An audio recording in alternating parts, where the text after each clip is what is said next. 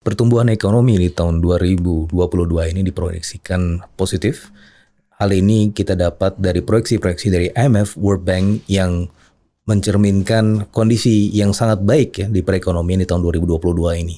Adapun tantangan-tantangan ke depan adalah masih dari sisi inflasi, hmm. yang mana dari sisi inflasi ini kita melihat tantangan terbesarnya adalah dari sisi tekanan komoditas global. Ini harus kemudian di um, carikan solusinya oleh pemerintah, di mana pemerintah dalam hal ini harus mampu untuk menahan supaya ekspor komoditas ini tidak terlalu agresif.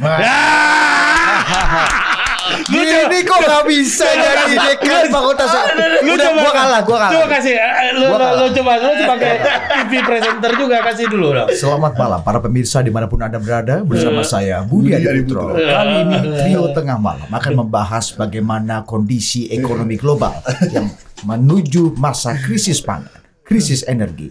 Apakah kita bisa melaluinya? Tentu saja suara Fitra Faisal. Jauh lebih bagus.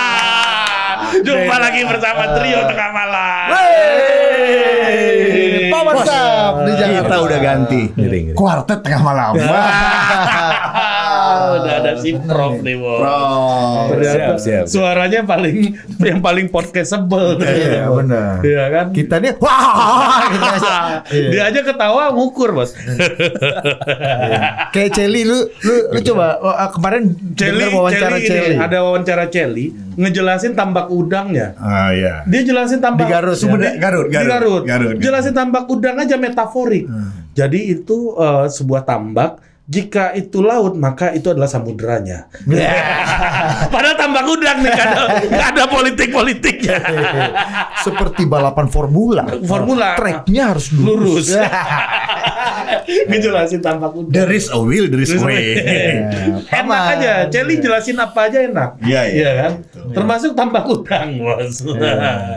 nah, hari ini kita trio tengah malam sudah bersama seorang ekonom. Betul. Nah, ini ada apa nih, Paman? Kenapa kita harus datangin eh, seorang ekonom? Padahal kan eh, kita ngomong trio tengah malam ini nggak pernah pakai data-data, matrik-matrik. Udah Eh, kira-kira aja, Kita kan? ini kan dengerin iman lu aja nih selama ini. Nah, Kalau paman kan selalu bilang gini, dua blok dari rumah gua. Kita lihat, nah gitu aja. Range-nya dua tiga Iya. blok ya. Nah, ini begini. there is nothing new under blue sky katanya kan. iya. jadi ini berangkat dari pengalaman, Re.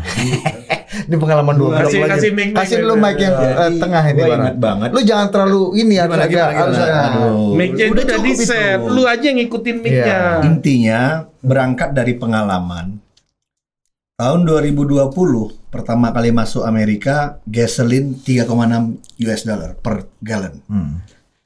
Kita per galon dari Per situ, gallon ya. bukan Nah, liter begitu ya. balik ke sini eh, tiga seminggu dua minggu yang lalu itu range-nya 5.01 atau ya 5 US dollar hanya dalam dua tahun. Kemudian eh, harga-harga itu naik.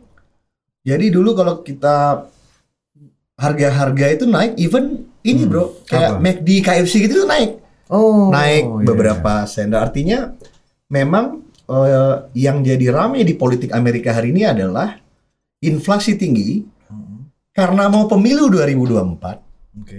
Seperti Oh, lagi ya? pemilu-pemilu Sama. sebelumnya ya. Ha. Konservatif itu nisbatkan semua kepada Joe Biden. Dan eh, kalau kita melihat eh, tokoh-tokoh politik yang mau men-challenge yang existing itu, situasi ekonomi itu dinisbatkan kepada eh, sitting government.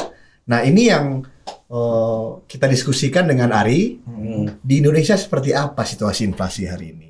Apakah eh, dia menjadi komoditas politik atau dia sekedar isu ekonomi belaka? Cuman yang menarik itu adalah ternyata presiden menyadari dari beberapa pidato-pidato publik presiden di internal kabinetnya, Presiden siapa nih? Presiden Jokowi Pak Presiden Jokowi. di hadapan eh, tokoh-tokoh politik, Hmm. even di hadapan kalangan pengusaha muda itu yang bisa kita monitor kan, bahwa presiden me- apa namanya mengkhawatirkan, menyampaikan analisa-analisa ekonomi daripada eh, lembaga-lembaga yang kredibel bahwa ada beberapa negara yang Ari berapa nih? Ya, 60 negara akan ambruk ekonominya dan 42 negara sedang menuju ke sana. FAO laporannya terakhir bulan Mei eh, 181 juta orang diperkirakan akan mengalami eh, krisis pangan. Nah artinya Di 42 negara. Di highlight oleh Presiden Jokowi adalah, Hai hati-hati, Hmm. akan ada krisis energi, krisis pangan dan inflasi. Nah, di yang tahun- ketiga, nah, yang ketiga, yang ketiga, Yang ketiga diulang. Ah, yang ketiga itu politik. politik. Nah, Nah, artinya ojo ke susu kalau yang ketiga. maksudnya. Cuma begini, ada situasi itu politiknya bagaimana? Nah, kalau apakah akan terjadi perubahan politik eh, apa namanya ketika sesuatu ekonomi yang guncang terjadi? Nah, itu mungkin yang melatar belakangnya kita ngundang Prof. Karena di antara kita bertiga nggak ada yang ngerti ekonomi. Iya. Betul. Mengerti politik pun enggak. Ya, jadi eh, se semengha- pertanyaan paling simpel, semengkhawatirkan itukah kondisi Indonesia dan kondisi ekonomi global?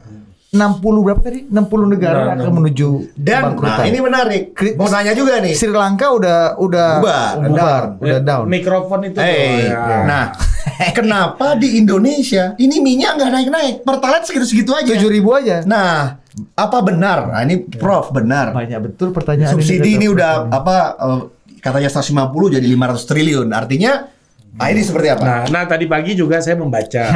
Ini kita kumpulin semua ya. biar sekalian, biar Ya, sekalian ya. doi ngoceh. Iya. Tulisan dari eh, Abang Dede Basri Ah, di iya. Kompas bahwa economic reform itu butuh kebijakan yang berdarah-darah.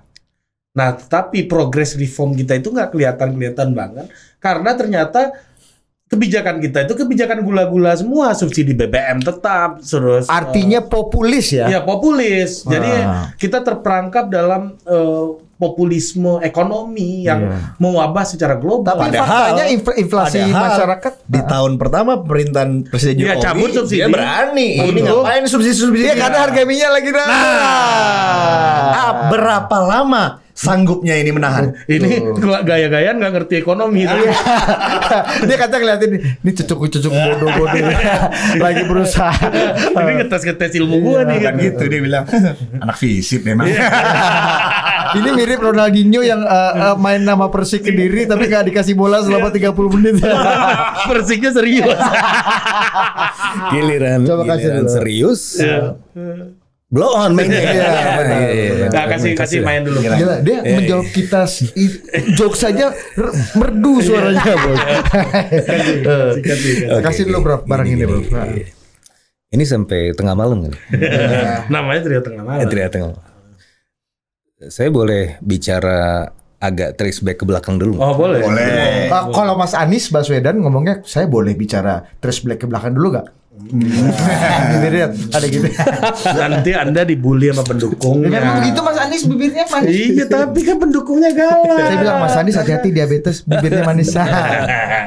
Siap, siap. Siap. Jadi tanggal 8 Mei tahun 2020 saya datang masuk ke ruangan Pak Menteri Perdagangan pada saat itu 8 Mei. eh, Pak Agus Suparmanto. Oh, Pak Agus Superman. Ya. Kemudian saya menyampaikan beberapa telaahan bahwa ini akan ada masalah. Ya, Jadi tahun 2020 ini dibayangi 2020 kemarin itu dibayangi oleh stimulus besar-besaran dari negara-negara maju, terutama Amerika Serikat. Dan karena Amerika Serikat itu menjadi patron global, ini juga diikuti oleh negara-negara besar lain. Jadi ada stimulus moneter, stimulus fiskal, gitu. Nah, waktu itu saya bilang ke Pak Agus, Pak Agus ini akan ada potensi demand-nya melompat. Nah, ini kalau istilah teknisnya adalah demand overshooting. Masalahnya adalah, saya waktu itu juga sampaikan, ketika pandemi ini banyak PHK, masa tanam tertunda, mesin-mesin dimatikan, supir truk kembali lagi ke rumah. Hmm. Ini pada kalanya nanti, ketika demand melompat, supply-nya nggak bisa ngikutin segera, Oh. begitu. Oh karena ini barang mati ya. Ah, barang mati, kalau Iya. butuh waktu. Permintaan bisa langsung flip cepat. Betul. Oh. Akhirnya apa? Karena ada kondisi ini, ya kan? Kalau kita bicara ini, kalau demand berkelebihan, barangnya sedikit, apa yang terjadi? Harga barang naik. Harga barang naik. Dan itu terjadi secara internasional karena didorong oleh stimulus besar-besaran ini. Jadi ada harga komoditas yang meningkat. Nah, saya juga sampaikan pada saat itu, ini kalau kita nggak berhati-hati, kita akan tertekan secara ekonomi lewat jalur imported inflation. Dan yang juga tidak kalah pentingnya adalah kalau kita bicara ekonomi, kita bicara perutnya rakyat. Kalau sudah seperti itu, maka yang paling penting yang harus kita amankan sekarang adalah komoditas pangan. Bagaimana cara mencapai itu? Ya, bagaimana cara mengamankan komoditas pangan ini? Yang kita harus lakukan adalah melakukan perjanjian-perjanjian bilateral dan regional. Kenapa saya berani bilang seperti ini? Karena presiden dari um, East Asian Financial Crisis tahun 1998 itu ada Chiang Mai Initiative di tahun 2000 yang mengumpulkan ASEAN plus three countries. Nah ini yang dilakukan adalah untuk kemudian memperkaya international reserves cadangan devisa supaya apa lalu lintas di sektor moneter ini bisa lebih fleksibel. Nah karena ada presiden itu kita bisa jadikan ini juga menjadi contoh yang bisa kita lakukan di masa post pandemic recovery di mana harus ada penguatan komoditas pangan.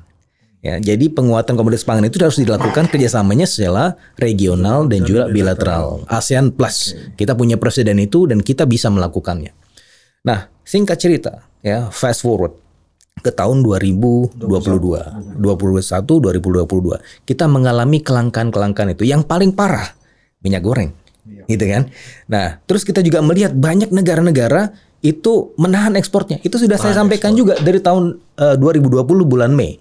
Kemungkinan yang Dan saya sampaikan kita pun melakukan. dan kita pun melakukan. Makanya harus ada penguatan dari sisi itu untuk apa? Untuk setidak-tidaknya ya perut rakyat itu masih tetap terjaga. Jangan sampai kemudian perutnya keroncongan. Nah, kalau sudah seperti itu nanti Paman Sap lah yang bilang, bagaimana nanti kalau misalnya rakyat itu kelaparan, apa yang terjadi? Demonstrasi. Nah, ini saya saya menarik ya. Jadi sebelum saya ke sini saya dapat email dari teman saya dulu sekelas waktu program doktoral di Jepang namanya Kenjo Ken, Kenzo Fujisue. Dia Kenzo- dia Kenzo siapa Fu- nih? Fujisue. Da- dari, da- dari, Kenzo lagi rame iya, soalnya. iya, iya. Da- dari dari dari LDP ya. Dia Partai LDP. dari LDP. Dia dia Ruling party berarti ya. Yes, dia mengundang eh, apa namanya koleganya untuk menghadiri ceramahnya di Zoom, gitu ya. Nah, menariknya adalah politik Jepang ini kalau misalnya sedikit ke sana, itu orang-orangnya, politik politician politiciannya itu apa ya? Eh, secara politik nggak terlalu rame. Dia biasanya cuma muter-muter stasiun, pakai kemudian eh, apa namanya mobil yang kayak mobil es krim gitu, muter-muter pakai toa. Itu aja yang dilakukan. Atau yang sekarang Kayak lebih tahu bulat gitu ya. Iya, iya, iya. jualan jualan terus habis itu mukanya ditempel-tempel di stasiun. Udah itu aja. Dan orang tidak sangat partisipatif. Kenapa? Karena perutnya udah pada kenyang, bos. Ya. Perutnya udah pada kenyang, nggak perlu lagi kita kita harus menyambulkan aspirasi. Orang semuanya sudah terpenuhi gitu. loh. Makanya itu menjadi penting. Nah, Indonesia ini sekarang di mana? Oke, sekarang kita sudah di tahun 2022 penerawangannya ke depan seperti apa? Apakah kita kemudian ke, ke utara, apa ke selatan? Kalau ke utara lebih baik, ya. Artinya eh, kita ke atas, gitu kan, pertumbuhan ekonominya. Ya, jangan jangan kita ke bawah. Nah, Ini untungnya yang ini teori U shape, V shape Yes. atau L shape. Betul, betul, betul. Jadi kita mau ke mana nih arah recovery-nya? Kalau L shape is not even recovery. Iya. Kalau turun masuk ke bawah gitu kan nggak naik-naik lagi. Nah, ini apa yang harus kita lakukan? Dan apa yang pemerintah telah lakukan selama ini? Nah, di sepanjang tahun 2020 dan tahun 2021 itu kita mencatat ya eh, bahwa spending dari pemerintah itu luar biasa signifikan. Meskipun kalau dibandingkan dengan peer groupnya itu belum seberapa. Ya, dari percentage terhadap GDP itu masih sekitar 5% atau di bawah. Yang berbeda dengan Amerika Serikat atau bahkan Jepang yang sekitar 22% dari GDP Spending ini based on APBN. base APBN ya dibandingkan dengan eh, GDP-nya. Eh, tetapi tetap saja itu sangat signifikan karena kita melihat bahwa penopang ekonomi sepanjang tahun pandemi itu memang berada dari sisi pemerintah. Yang lain negatif, dia tumbuh positif sendiri. Belanja negara ini yang Gitu. menjadi pendorong stimulus Betul, utama ya, betul, betul. Karena da- secara teori belanja eh, barang operasional itu akan menstimulus ekonomi pertumbuhannya dalam jangka pendek kan. Betul, Oh betul. makanya Pak Jokowi itu marah-marah juga ya. Harus 400 triliun harus dipakai LKPP Pakai, untuk beli belanja, belanja. UMKM gitu ya. Ya. Oke, oke. Saya, saya mencatat ada kira-kira enam kali Pak Jokowi marah-marah. Tapi dalam setiap marah-marahnya itu pencairan anggaran lebih cepat gitu ya. Jadi memang harus lebih sering marah-marah ya di tahun pandemi kemarin. Jadi, Harusnya tapi Pak berarti Pak Ahok meng- aja. Cair.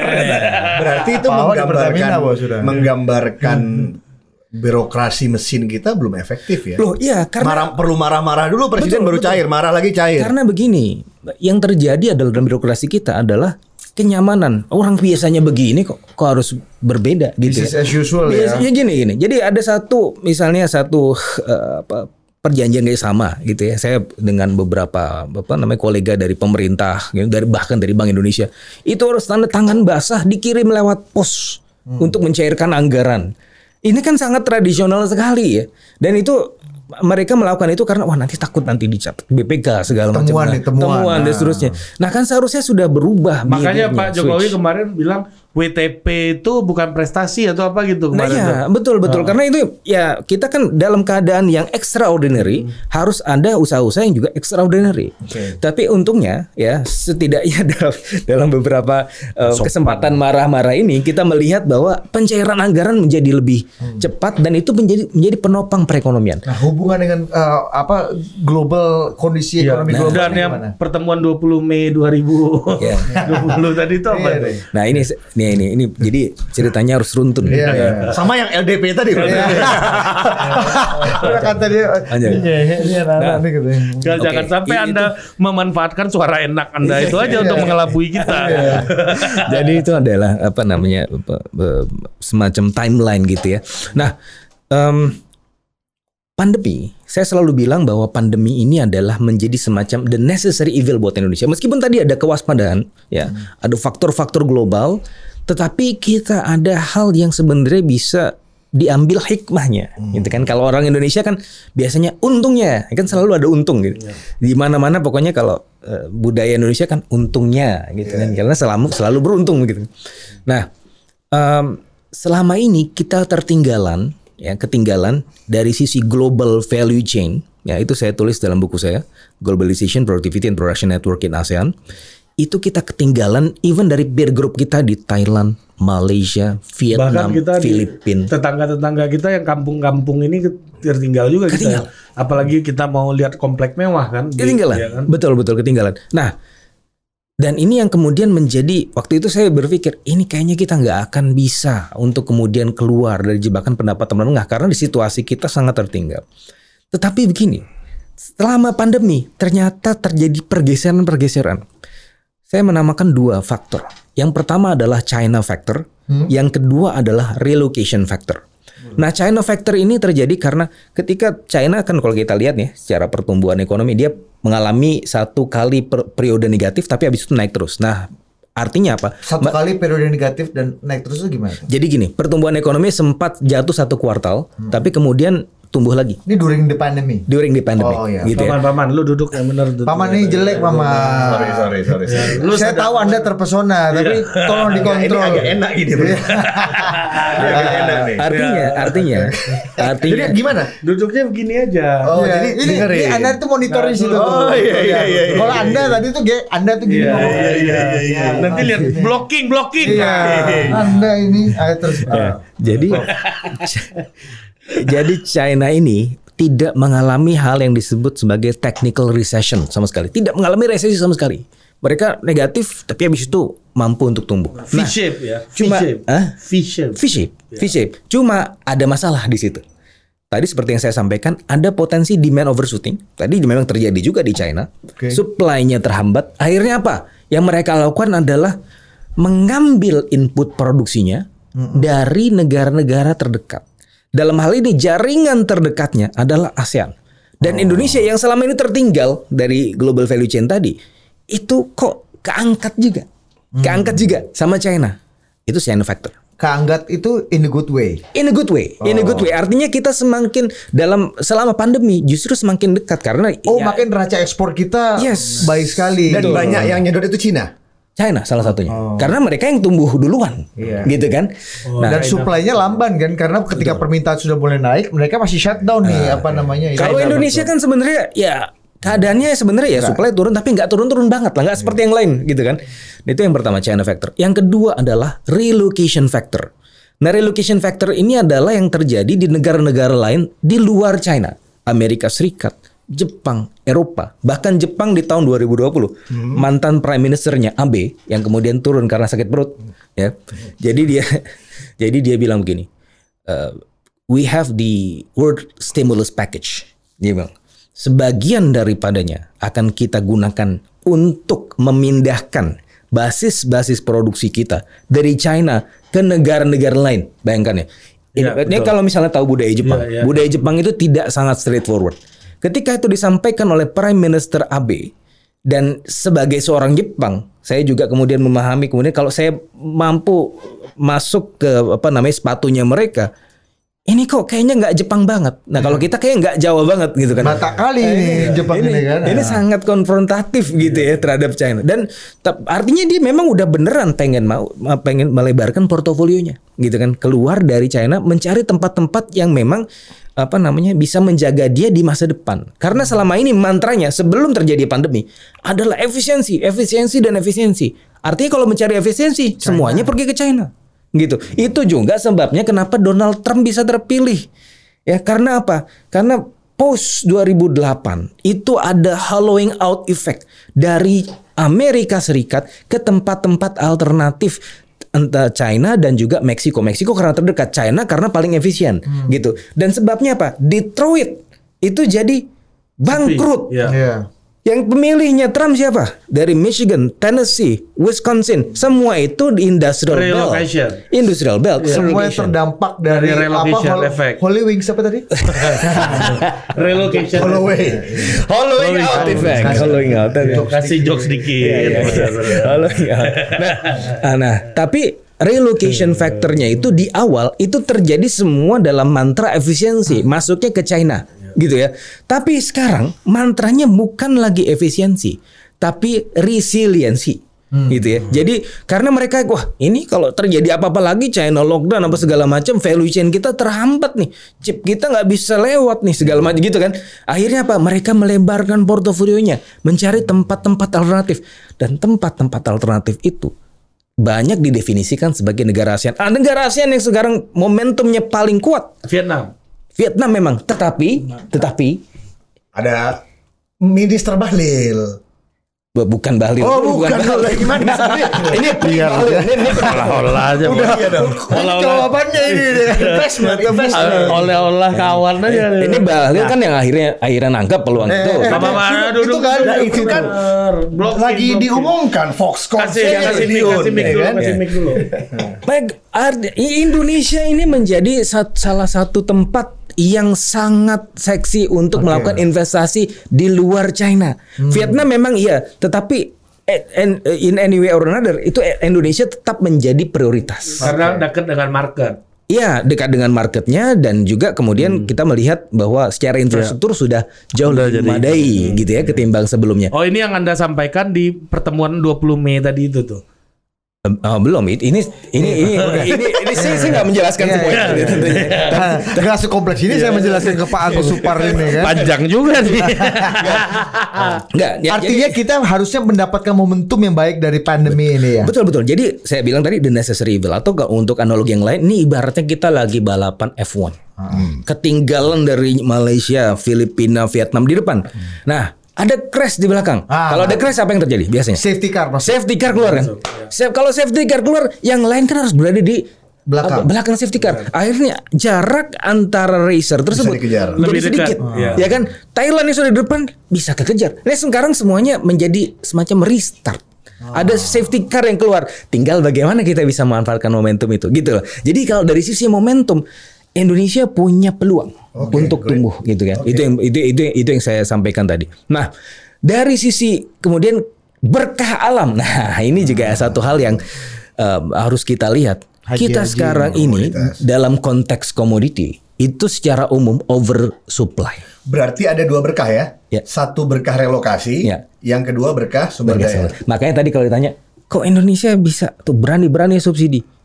500 T. ada berkah. Memang minyak bumi di situ. Tapi kan datang dari batu bara, Bos. Kantong kanan ya. Datang dari yang lain-lain komoditas ini lagi naik semua. Kalau kita catat CPO di- juga ya. si- oh, termasuk Prof, CPO ya. tahun 2021 itu Apa aja kita- sih Prof andalan utama kita untuk me- apa namanya Berarti agak- menangguk untung dan neraca perdagangan. Berarti Ri agak aman approval rating.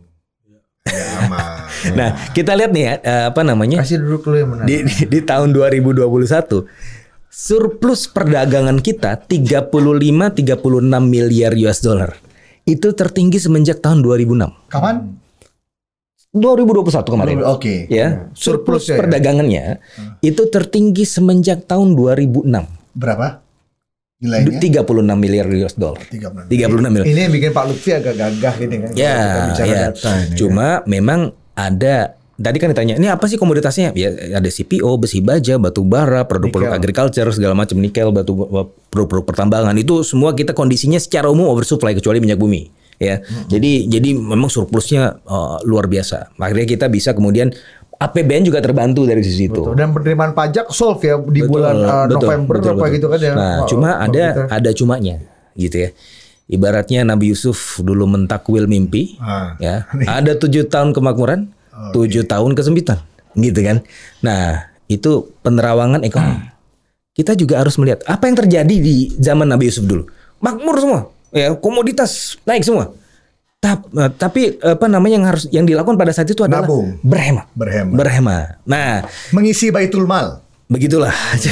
Ini lah, kalau padang-padang nih lu kumpulin deh. Bingung lu kan. Nah. Nggak ada di Jawa Nabi Yusuf ini. Oke. nah, nah jadi ini ini kemudian saya eh, kami dari tim kemudian melakukan semacam simulasi-simulasi. Ini apa yang terjadi kalau kita semua diekspor? Nah, komoditasnya. Oke, kita berkah, Iya. berkah alam, tapi apakah kita bisa selamat? Petani-petani plasma nih akan punya Ah. mobil-mobil baru ya Gimana kan? ini? Ba- Jangan-jangan kita myopik kebijakannya. Ya kalau myopik harus pakai kacamata. Kalau nggak pakai kacamata nggak bisa lihat jauh. Itu kan? Iya. Nah, maka kebijakan-kebijakannya juga harus mampu melihat masa depan. Gitu ya. Nah, dalam konteks ini gitu ya, dalam simulasi kami itu menunjukkan bahwa kalau kita ekspor, oke dia akan positif sampai setidaknya 2 sampai 3 kuartal. Positif artinya ekspornya eh, bisa menciptakan surplus perdagangan di satu sisi. Kebutuhan dalam negeri. Di sisi yang eh, kebutuhan dalam negeri, eh, nah itu nanti saya mau Ah, ceritakan iya, nih, iya. nih ceritakan ini ini, ini masalah yang hal yang baik nih. Jadi eks- eh, di satu sisi dan itu bisa menopang pertumbuhan ekonomi, gitu kan? Ketika ekspor naik berarti pertumbuhan ekonomi kan juga naik. Nah, cuma, nah kalau misalnya dilakukan terlalu agresif, itu akan kemudian menciptakan kondisi kelangkaan. Nah ini kelangkaan ini akan terjadi. Nah kalau kita bicara ekonom, ekonom ini kan kayak dukun ya, ya selalu ditanya. Bukannya emang dukun. Eh, ya, ya memang bedanya cuma 11-12. Iya, ya. Kalau kedukun itu pakai kemenyan, kita itu pakai data, sama-sama mistis memang. Iya kan sama-sama kalau mistis. dukun kan eh, generik kan. Generik. Kalau ekonom agak spesifik Ya. ya. Ta- Tapi sama, tapi sama. Ketika dukun kan ditanya nih, bah kok nggak kejadian saya nggak kaya. Kamu mak sering main di air ya. Nah, Ya. ini kan kalau ekonom kok kok nggak kejadian. Wah ini asumsinya nggak terpenuhi ya sama, sama. Ya, gitu. Syaratnya. Syaratnya ada syarat-syaratnya. Kalau bahasa kampung kita tuh syariatnya kurang Cari cukup. kurang Ya. cukup. Betul. Nah, ini kampung dulu. ini sampai di apa eh, sampai di kuartal 6 artinya sampai tahun 2023 kuartal kedua itu justru kalau kita ekspor terlalu agresif itu akan mengkontraksi perekonomian hingga 0,7 persen Mengkontraksi ini bahasa manusianya positif atau negatif? ke selatan. Jadi Oh, ekonomi itu jatuh. Pertumbuhan maksudnya. Karena kalau ibu Pertumbuhan sa- itu. kalau kakak saya kemarin kontraksi nih alhamdulillah nih Ya, sebentar lagi akan keluar, keluar. Ya, ya, ya, ya. Positif. Ya positif. Ini, ini, ini negatif, negatif. Kontraksi itu Nah, kaget bos. negatif. Nah, Tanda jadi, mau lahir. Jadi jadi kalau kita ba- balikan lagi ke apa namanya eh, faktor penunjang shock paling besar buat perekonomian ya berdasarkan hasil simulasi kami. Ini pertama memang masih pandemi itu sekitar 17% ya kontribusinya. Itu paling tinggi. Yang kedua adalah nah, yang kedua adalah ternyata dari sisi inflasi 13 sampai 15 persen. Jadi probabilitas terjadi pandemi tahun 2022 itu semakin menipis, tapi probabilitasnya terjadinya inflasi ini semakin tinggi karena apa? Karena tekanan eksternal. Nah, makanya kita sekarang harus berhemat-hemat. Jangan sampai nanti semua diekspor ketika kita butuh justru langka. Nah faktanya ini tweetnya Dede Basri tadi pagi Nah. nih. Eh, inflasi di level konsumen atau IHK hanya 3,55 persen, tapi di level produsen sudah di atas 9 persen. Artinya itu dia tadi. biaya produksi sudah naik, tapi produsen belum menaikkan harga karena daya beli masih lemah. Betul. Yang dilakukan oleh produsen adalah mengurangi profit margin. Ramalan doi udah terpenuhi syariatnya berarti. Nah, Ya. nah, itu yang eh, merespon eh, Bang Dede Basri. Ini gap antara producer price index tadi ya dengan consumer price index itu memang tinggi. Nah, kemudian kita Tiga melakukan setengah dan sembilan. betul, kita melakukan penerawangan. Nah, ini penerawangan lagi. Kok bisa jomplang gitu? Nah, bisa ya tadi karena kan gini bos, ini post pandemic.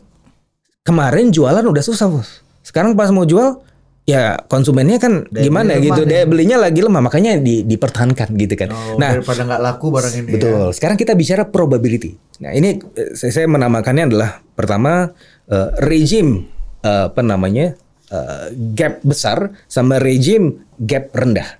Ah, jadi gap besar itu antara producer price index dengan consumer price index. Terus kemudian yang satu lagi gap eh, rendah tentunya juga masih producer price index dan consumer price index. Nah, probabilitas perubahan dari gap tinggi ke gap rendah ini ya itu lebih besar lagi mulai dari kuartal ketiga tahun 2022. Artinya mulai Kita kuartal masuk ini nih ya. Betul, mulai Makin dekat nih. barang. makin dekat. Karena apa? Produsen semakin tidak mampu lagi Menahan ini. untuk menahan itu.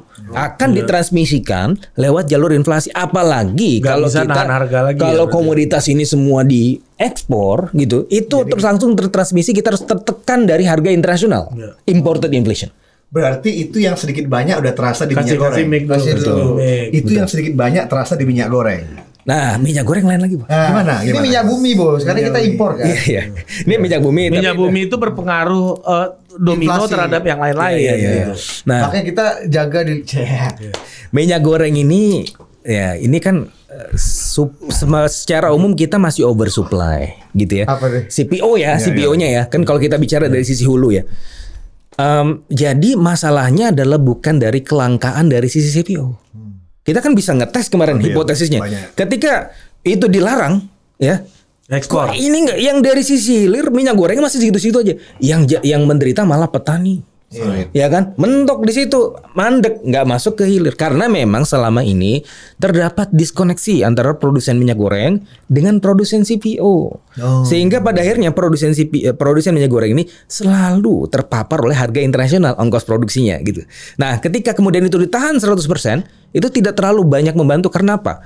Kenapa? Karena gini, Indonesia itu 56% ekspor dunia untuk CPO, 30% dari Malaysia. All in all hampir 90% Dari dua negara. Indonesia dan Malaysia, ya. Ketika Indonesia memutuskan untuk melarang 56%, goncang harga internasional. Makin tinggi. Makin tinggi. Yang ini belum selesai ke sini, nggak nyam, nggak ini mampet, gitu kan. Akhirnya dia terpapar harga internasional. Ya naik lagi. Ada- Diharapkan harga di level Alfamart Indomart udah langsung Tapi berpengaruh. lu kenapa begini-begini? Sebentar me- memang memang itu sebentar turun ya sempat saya perhatikan di pasar sempat turun tapi itu yang dinamakan sebagai pseudo supply effect Sudo. Ah, itu semu gimana tuh? semu saja Eks- secara ekspektasi oke kita aman padahal bukan di situ masalahnya Ini ini masalah opini aja ya. masalah Makanya Pak Zul Opini. kemarin kaget. Hah? Iya. Harganya? Nah, Ibu umroh aja besok. saya bayarin. jadi jadi benar solusi Pak Zul. solusi minyak goreng meningkat itu kita berdoa kepada Tuhan ya, supaya nanti turun gitu ya kalau bisa Anda jangan kayak gitu. Saya baru mau mengajukan nama Anda ke sana. Ayo, nanti saya umroh dulu Biar diajak Pak Zul Iya umroh. iya iya iya. iya. Nah, jadi begitu. Nah, tapi untungnya sekali lagi untungnya kita Indonesia em, selalu diberkahi oleh em, keadaan gitu ya. Nah, em, untungnya juga jadi Cocok bos, jadi juru, juru bicara ekonomi presiden nih enak banget. Minimal walaupun omongannya salah, suaranya kita enak, aja yang dengar kan. Oh bener nih Prof nih. Pak Presiden. Pak Presiden tolong ya. Ini Tolong nih bisa di Iya minimal kalau kita nggak ngerti pun kita bisa Iya, bisa. suaranya.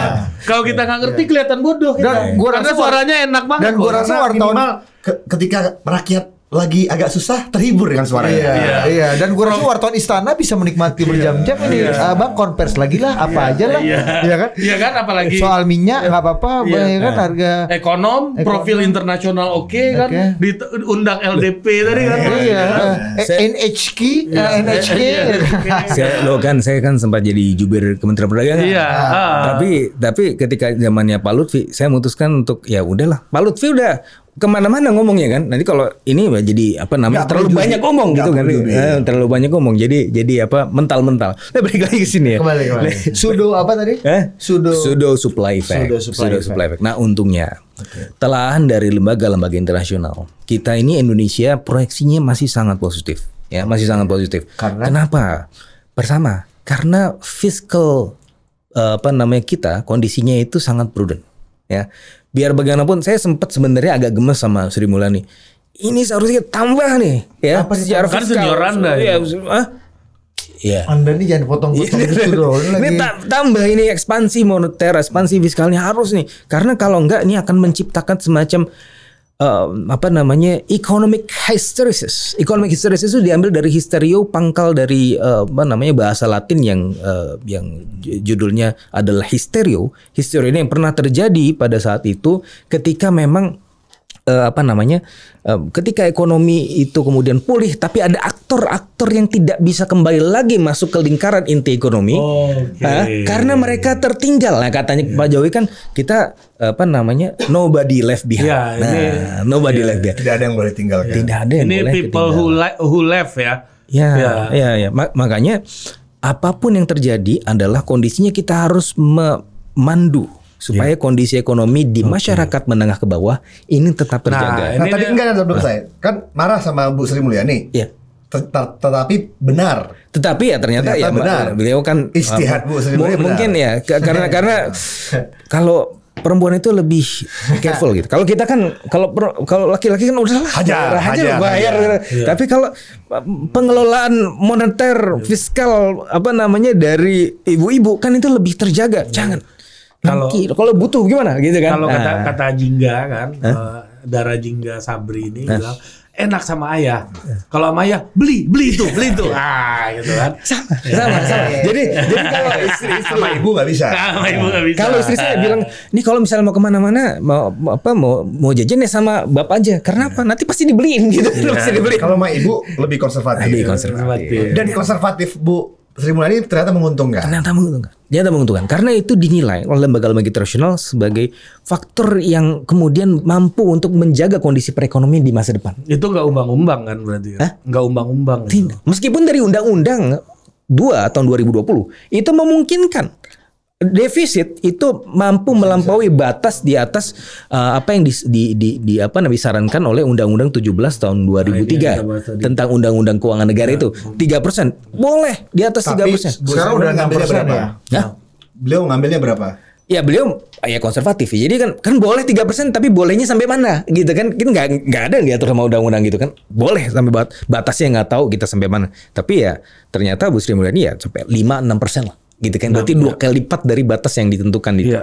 Nah, itu kemudian mampu ternyata membawa prognosis ekonomi kita ke depan itu jauh lebih terjaga. Oke. Yang kedua, yang kedua adalah Masih ada ini. populasi.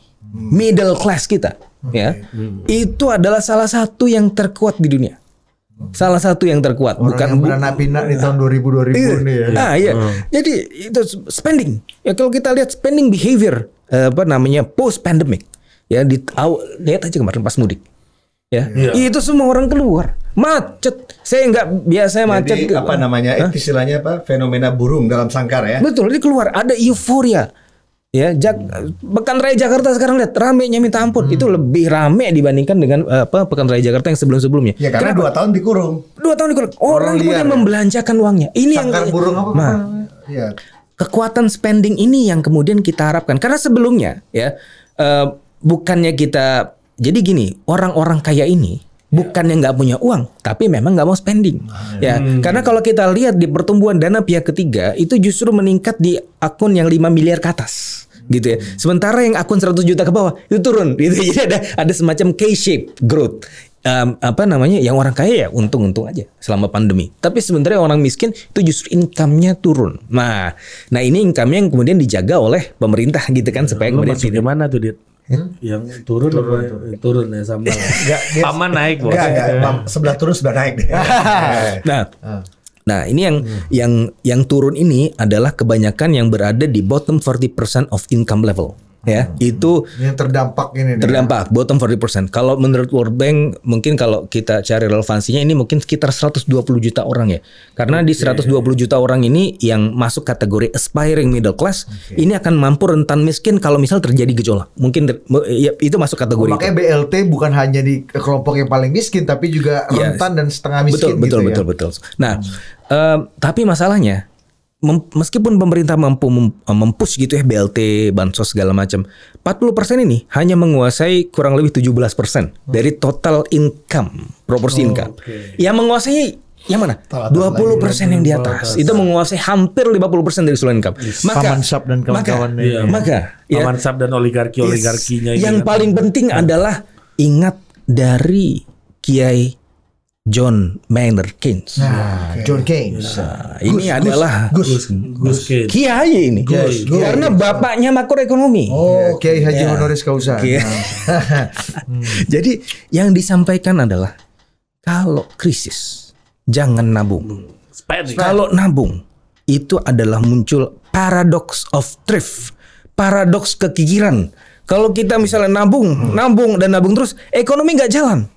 Makanya Keynes bilang kalau bisa itu lubang digali paginya, sorenya ditutup supaya orang tetap bekerja, gitu kan. Jadi semuanya harus spending, spending and spending. Mantranya itu. Makanya ada padat karya, bergerak. padat karya itu. Betul ya, betul betul ya. betul. Jadi, kalau kita kesel nih orang-orang apa sih ini lagi gali-gali segala macam. Justru itu harusnya kita bahagia. Belanja Karena ada orang ada pekerjaan. Total politik belanja terus nih. ya. Berarti kalau begitu kesimpulannya kita tinggal berapa siklus anggaran Nah, menuju pemilu 2024. Itu baru benar. Sebentar. Bentar, ini Dia kan masih ada artinya Eh. dalam Paman ngomong sini. Enggak. Jadi kalau gitu. kenapa? Dia ngomong sini, mikrofonnya di sini. Oh iya. Enggak berarti dalam menuju 2024 nggak ada masalah dong ekonomi Indonesia. Hitungannya kalau kayak gitu. Begini dulu. Apalagi tadi melihat sekali lagi kembali ke tesisnya Pak Jokowi 60 negara dunia hampir bangkrut, Iya. 42 menuju ke Nah kita yang mana? Nah, Iya. Masa 100 kacau kita di masih aman-aman aja? Iya. Atau Dari- dengan teori tadi aman Indonesia? Dari semua negara itu kita yang mana? Yeah. Ah, ikut gaya dia. Kalau itu iya, udang samudra. Iya, ini kan bawaannya ini om-om mengayomi gitu bos, suaranya bos. Pengen diayomi ya sama Iya, Prof ini kan. Jadi Andrew Grove, Shoulder to lean on. Founder tuh. Andrew Grove ya. Jadi ma almarhum Andrew Grove Andrew Grove. pernah menulis buku. Ya, Gimana? bukunya apa? Apa isi buku? Only the Paranoid Survive. Ya, Nah, gitu ya. Only the paranoid Jadi kita mam- meskipun dalam kondisi yang sebenarnya tidak separah negara-negara lain, Harus Parno. harus, paranoid gitu ya. Tapi Sekarang- intinya tadi udah digaris bawahi kita tidak separah negara-negara lain. yes, betul betul. Nah, karena Tapi gini, Parno harus. Parno harus. Parno harus. Jadi ada ada satu hal lagi, satu faktor lagi. Kalau negara-negara lain sekarang sudah hampir terhimpit stagflasi. Stagflasi itulah sudah harganya naik, ya, harga harga naik, inflasi, pertumbuhan ekonomi turun. Biasanya inflasi itu adalah pelumas ekonomi. Iya. Tapi yang terjadi banyak negara-negara sekarang yang hampir terhimpit stagflasi. Misalnya. Kenapa? Nih, baik Amerika Serikat ini mau terhimpit stagflasi, kemudian China dan eh, negara-negara besar lainnya. Kenapa mereka hampir terhimpit itu? Karena begini, inflasi itu kan terjadi dari dua hal. Iya. Terjadi karena dorongan permintaan atau terjadi karena kelangkaan supply. Kalau terjadi karena dorongan permintaan bagus. pelumas ini ya. Pelumas perekonomian. Makanya kemudian ketika awal tahun banyak wah inflasi kita naik segala bagus. Karena oh, ini ekonomi bergerak gitu kan. Ekonomi bergerak. Oh, naik nih ya kan yang penting masih bisa beli gitu kan yang penting masih eh, tapi nanti eh, apa namanya eh, tentu ini bahasannya sensitif juga ya. Kalau The Fed naikin bunga paling tinggi 75 basis Eh, poin itu eh. untuk meningkatkan pertumbuhan atau Nah, menurunkan nah, inflasi. nah, itu, itu nanti nanti nanti ini, ini, Nah, itu nanti dulu, nanti dulu. Anda, sabar dulu. Iya, iya. Sabar Eh, tapi gue senang bu. Paman Sep gak berkutik dia. Iya. Ngerti kita. Dia mendengar khotbah untuk diceritakan di panggung-panggung elit ya. Jadi dia nggak mau terlewat satu kalimat. Jadi Paranoid. Jadi gini. Gini bang, Paranoid. only paranoid can survive. Jadi gini, dia me- apa namanya proyeksi. Padahal itu kerjaan dia. Ah, diproyeksikan ke situ. Ah, ya, jadi- kita padahal teladan kita dia ya dia. Bocor-bocor. Ayo, ayo Prof lanjut lagi. Jadi gini. Um, nah, itu cost push inflation namanya. Jadi apa namanya uh, inflasi karena tekanan dari biaya produksi, gitu ya. Maka itu kemudian sudahlah supply-nya mengkerut, artinya pertumbuhan ekonomi turun, harga-harga naik, stagflasi. Ini katastrofik, gitu ya. Mantap juga istilahnya katastrofik. itu. Nah, Indonesia, Indonesia nih, Indonesia bagaimana? Jangan potong terus. Enggak mantap istilahnya katastrofik. Indonesia, Indonesia ini naik karena apa? Demand pull inflation. Ya, ditarik oleh permintaan yang memang sekarang orang-orang lagi doyan belanja gitu loh. Nah, memang memang ada bagian dari tadi producer price index yang hampir masuk ke sini. Nah, tapi ya Termasuk bom komoditi ini Betul, juga membuat orang juga punya sebagian daya beli jadi naik barang ini ya. yes, betul betul. Karena Pak Haji Haji ini udah mulai ada duit Jangan banyak. dipotong terus. Betul betul. betul. Tapi itulah berkah alam. Tapi begini juga, saya ingat perbincangan saya dengan Prof Adrianus Moy tahun 2016. Aduh, mau ini siapa nih? Kasih tahu Rajan Nah. Prof Adrianus Moy ini adalah Mantan guru, gubernur BI. guru besar di FUI dan kemudian mantan gubernur Bank Indonesia. Ya, Itu Rajan ya. beliau beliau bilang tahun Jangan Riza 2016, Ramli aja kamu tahu Iya. ekonom di dunia ini kan. Sama Isanuddin Nursi. kita kita di tahun 2012 itu kan kemudian ini ya apa namanya secara trade surplus itu eh, apa namanya mengkerut bahkan terjadi defisit neraca perdagangan. Nah, Prof Adrianus bilang we were lucky at that time but now we are running out of luck. Apa yang dimaksud dengan oleh Prof eh, Adrianus Moy ini? Di tahun pasca tahun 2008 Ketika siklus moneter ini terhambat, orang-orang melompat ke komoditas. Muncullah sem- periode komoditi super cycle. Komoditi super cycle ini adalah berkala, gitu kan? Ini dimanfaatkan Apa Yusuf Kala? Apa? berkah alam. berkah alam. Yusuf kala, kok jauh amat ya? ya. Ya Yusuf Kala juga dapat bersalah. ya itu intinya. berkah alam. Nah, ar- terus kemudian konsekuensi dari berkah alam ini apa? Disubsidi, apa namanya harga naik disubsidi, inflasi apa namanya eh, muncul karena kemudian tekanan dari eh, apa namanya global eh, harga minyak minyak eh, BBM atau minyak bumi disubsidi. Kenapa? Karena kita punya duit, ada windfall profit Kantong kanan kantong kiri. gitu kan. Tapi subsidi itu bakar duit, gitu kan, bakar duit Kayak, kayak startup lah ini ya. Iya, ya kan? Itu nggak ke mana-mana. Kalau yang mem- yang memanfaatkan justru yang nggak berkepentingan gitu kan. Akhirnya apa? rente-rente Akhir- ini ya. Akhirnya kemudian ya kita kekurangan duit untuk kemudian menambal ya kemudian apa namanya sisa-sisa dari komoditi boom tersebut. Nah, kemudian makanya kemudian ketika ada regime s- switch dari sisi uh, spending behavior sebelumnya ke heavy ke subsidi energi, kemudian ke heavy ke infrastruktur, itu sebenarnya jauh lebih fundamental, fundamental ya. Nah, cuma begini, Bos. Kita melakukan itu pada saat sempit. Ketika sempit kita muncul kreativitas. Ketika menggembung, ketika kita kita apa namanya menggelembung dengan komoditas, kita sempit lagi pemikirannya, nggak kreatif. Untung di barang nih kan. Ah. Iya kan, ya kan, ya kan. Jadi kita apa namanya yang tadinya myopicnya udah sembuh, tapi kok sekarang jadi rabun jauh gitu lah. Nah ini yang harus kita manfaat. Makanya ketika subsidi ini kan 500 begini, ini subsidi oke lah ya, tapi jangan begini loh. Eh, jangan sampai ini kemudian kelamaan juga. Biasanya ya biasanya menuju tahun politik ya ada political budget cycle. Dia di, di, di apa namanya itu adalah economics 101 itu diajarin di ekonomi semester 1 ya. Ada political budget cycle ya. Biasanya ini memang political budget cycle ini terjadi ketika dia mau running lagi. Tapi ini kalau misalnya Nah, ini agak kita bisa ini nih. Ya, ini Nah, arah- supaya approval rating tetap tinggi Nggak, sehingga nah, endorsement nah, bisa tetap nah, laku nih paman. Tadi, nah ini kita langsung balikin lagi. Jadi akan ada Make, make, make, make mikrofon. Ya udah bos. Nggak, nggak Jadi bagus nanti. ada cycle tadi Nah, ekonomi. kan enak. Tadi kalau dia ingin lanjut lagi. yes Problemnya Pak Jokowi kan nggak lanjut lagi. Ya. Udah nggak ada tiga periode. Tapi diskusi dalam satu bulan belakangan di total politik itu ramai. Pak Jokowi akan mengendorse orang untuk melanjutkan program-programnya.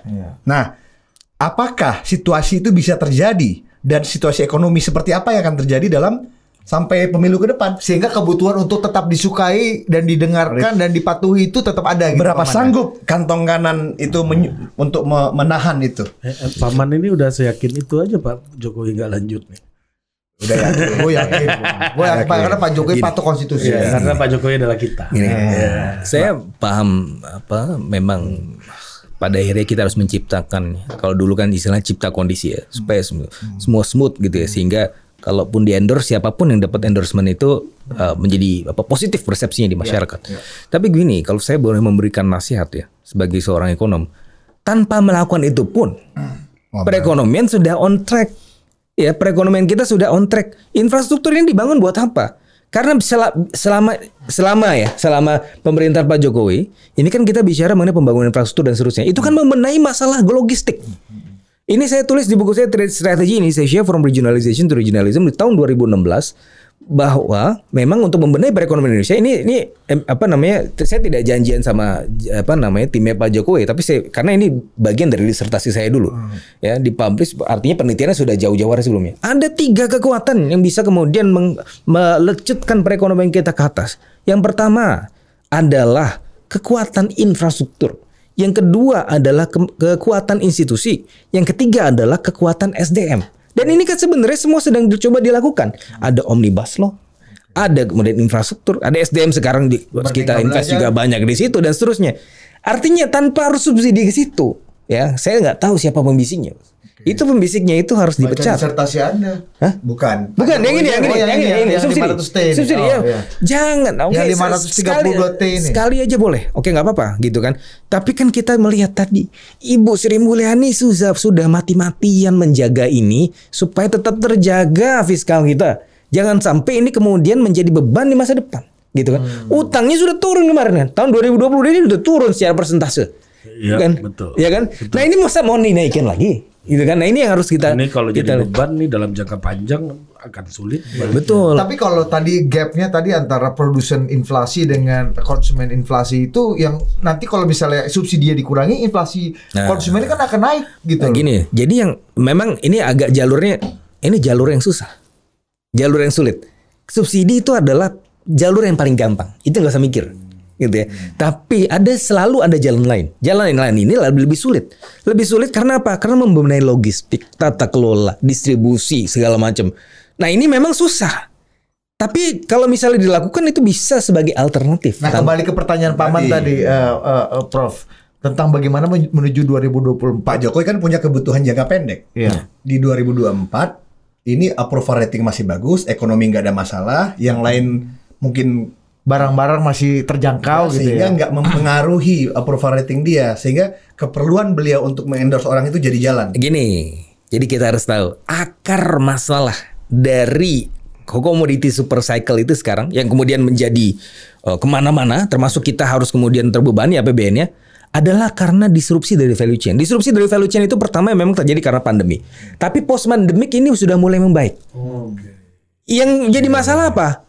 Iklim geopolitik Rusia Ukraina. Nah, ini masuk nih ke barang ini. gitu kan? baru bulan Maret saya sudah sampaikan. 4 bulan nih barang nih. ya. Bulan Maret Berarti ada satu situasi yang di luar kontrol. Betul betul. Nah, tapi bisa kita kontrol juga. Nah, gimana? Nah. Perang di Ukraina katanya naikin harga. Kenapa kita bisa kontrol? Nah. Negara lain nggak bisa kontrol. Nah. begini, begini, menarik ini. begini. Bulan Maret saya sudah sampaikan. Ini kita dalam presidensi G20, ya.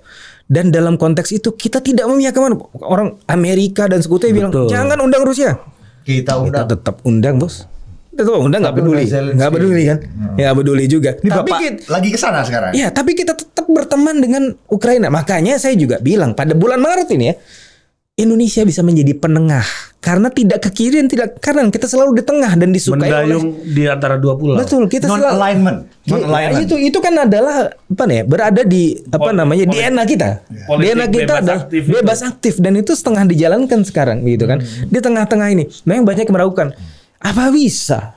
Tapi G20 ini kan kongko-kongko aja. Iya, kongko-kongko. G20 ini memang uh, bukan termasuk regionalism institutional. Ya, dia tidak punya sekretariat.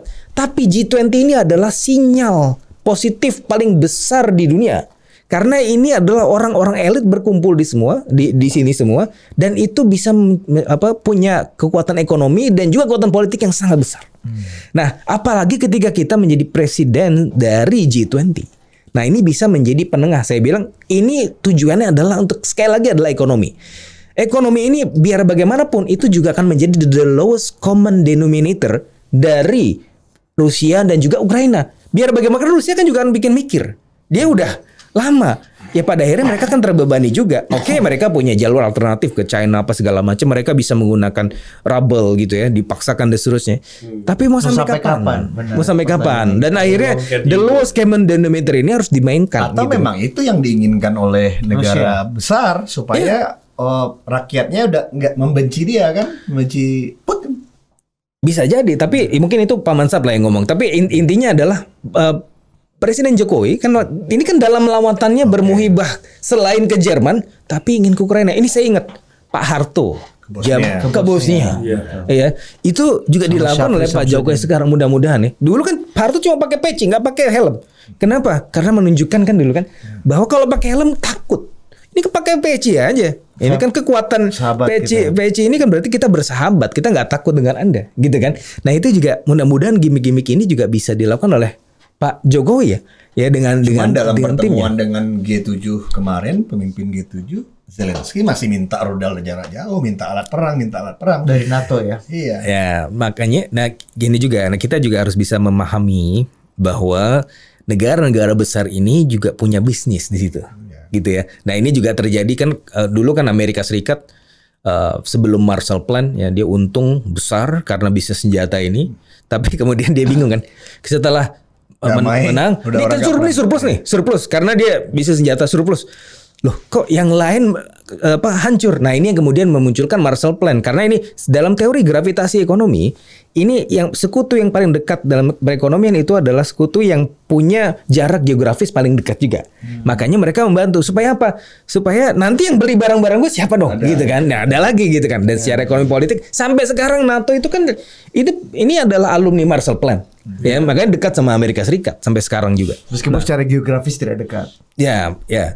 Nah, dalam konteks itu saya rasa em, ya tetap kita punya masih punya misi yang penting untuk kemudian menjaga supaya apa namanya kondisi geopolitik yang brutal ini tidak kemudian Jadi, melebar ke mana-mana. Intinya bahwa kedatangan Pak Jokowi ke Ukraina itu terkait erat dengan stabilitas ekonomi ke depan, yang mana itu juga akan berpengaruh terhadap sikap beliau dan berpengaruh juga terhadap dukungan Pak Jokowi di dalam politik konstelasi 2024 nanti. Betul betul. Jadi kita jangan jam- jangan going low lah. Betul. So, We go high. Iya. Ya, we Dan go ini high. bisa dapat Nobel Prize ini kalau misalnya Pak Jokowi itu bisa. justru bisa. cerdas. Targetnya mungkin ya. Berarti itu satu langkah cerdas untuk naikin approval rating lagi. Iya. Ya, Kalau Nobel subsidi Prize itu ya Bukan bukan dun- bukan hanya ini dunia kita. Nobel Prize of Literature. Pak Gubernur udah. Ada juga usulan gitu ya Prof ya, ingin mengembalikan coba Pak Jokowi coba cari solusi supaya jalan tengah. Ya bersih tegang antara Ukraina dan Rusia boleh saja dilanjutkan tapi coba buka dong koridor pangan di Laut Hitam gitu misalnya Ya, untuk bisa eh, jadi jalur alternatif dari sumbatan-sumbatan ekonomi ini gitu. Ya, ya. Seberapa mungkin tuh? Eh, itu kan salah satu misi yang kemudian Bu Retno kemarin juga udah ngomong gitu.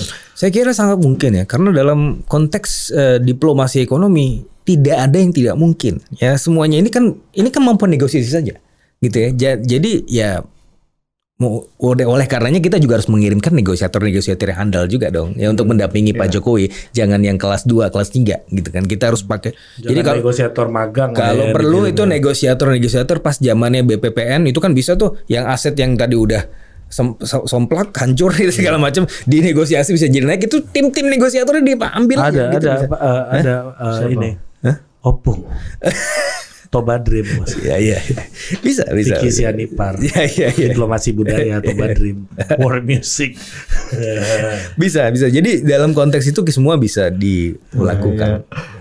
Oh berarti kalau ini kan panjang lebar, ya tumben gas nih kita banyak diam gas seperti biasa. Artinya Harusnya kita nggak paham pertama. ya, pertama ini. nggak paham, Ya, yang kedua belajar ya. menikmati suaranya yang enak. Ya. Yang ketiga berarti hipotesanya adalah Presiden Jokowi udah paham situasi untuk mempertahankan approval ratingnya, dia melakukan segala macam di domestik melakukan ini, di internasional melakukan ini supaya ekonomi di Indonesia tidak gonjang ganjing.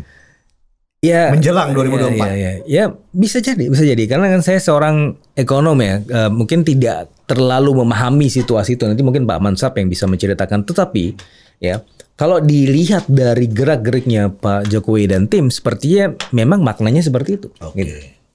Oke ada ada terawangan apa dari penjelasan Prof Ya ini kalau begitu sebagai hikmah? Eh, kasih mic dekat dulu Nggak, Pak Mas setelah bukan kalau setelah panjang lebar ini Nah, berarti tuh. Presiden Jokowi tidak begitu khawatir. Berarti Ya. bahwa beliau Reserve kalau memang aman. ada satu hipotesa beliau akan mengendorse seseorang untuk melanjutkan eh, eh, program yang sudah beliau laksanakan, beliau sudah sadar ada bu- buffer approval rating yang dia tidak boleh lalui. Dan semua prasyarat itu dia kerjakan sekarang. Jangan sampai seperti Obama yang gagal mengendorse Orang Clinton lain. gitu Ya, misalnya. karena ya. gini apa namanya eh, ini yang kemarin saya bicarakan dengan Ari. Nah mungkin kita undang beliau ekonom supaya bisa menjelaskan panjang lebar karena begini. Ada orang mengatakan musuh Pak Jokowi itu siapa? Pendukung Pak Anies Baswedan. Bukan dong. Bukan.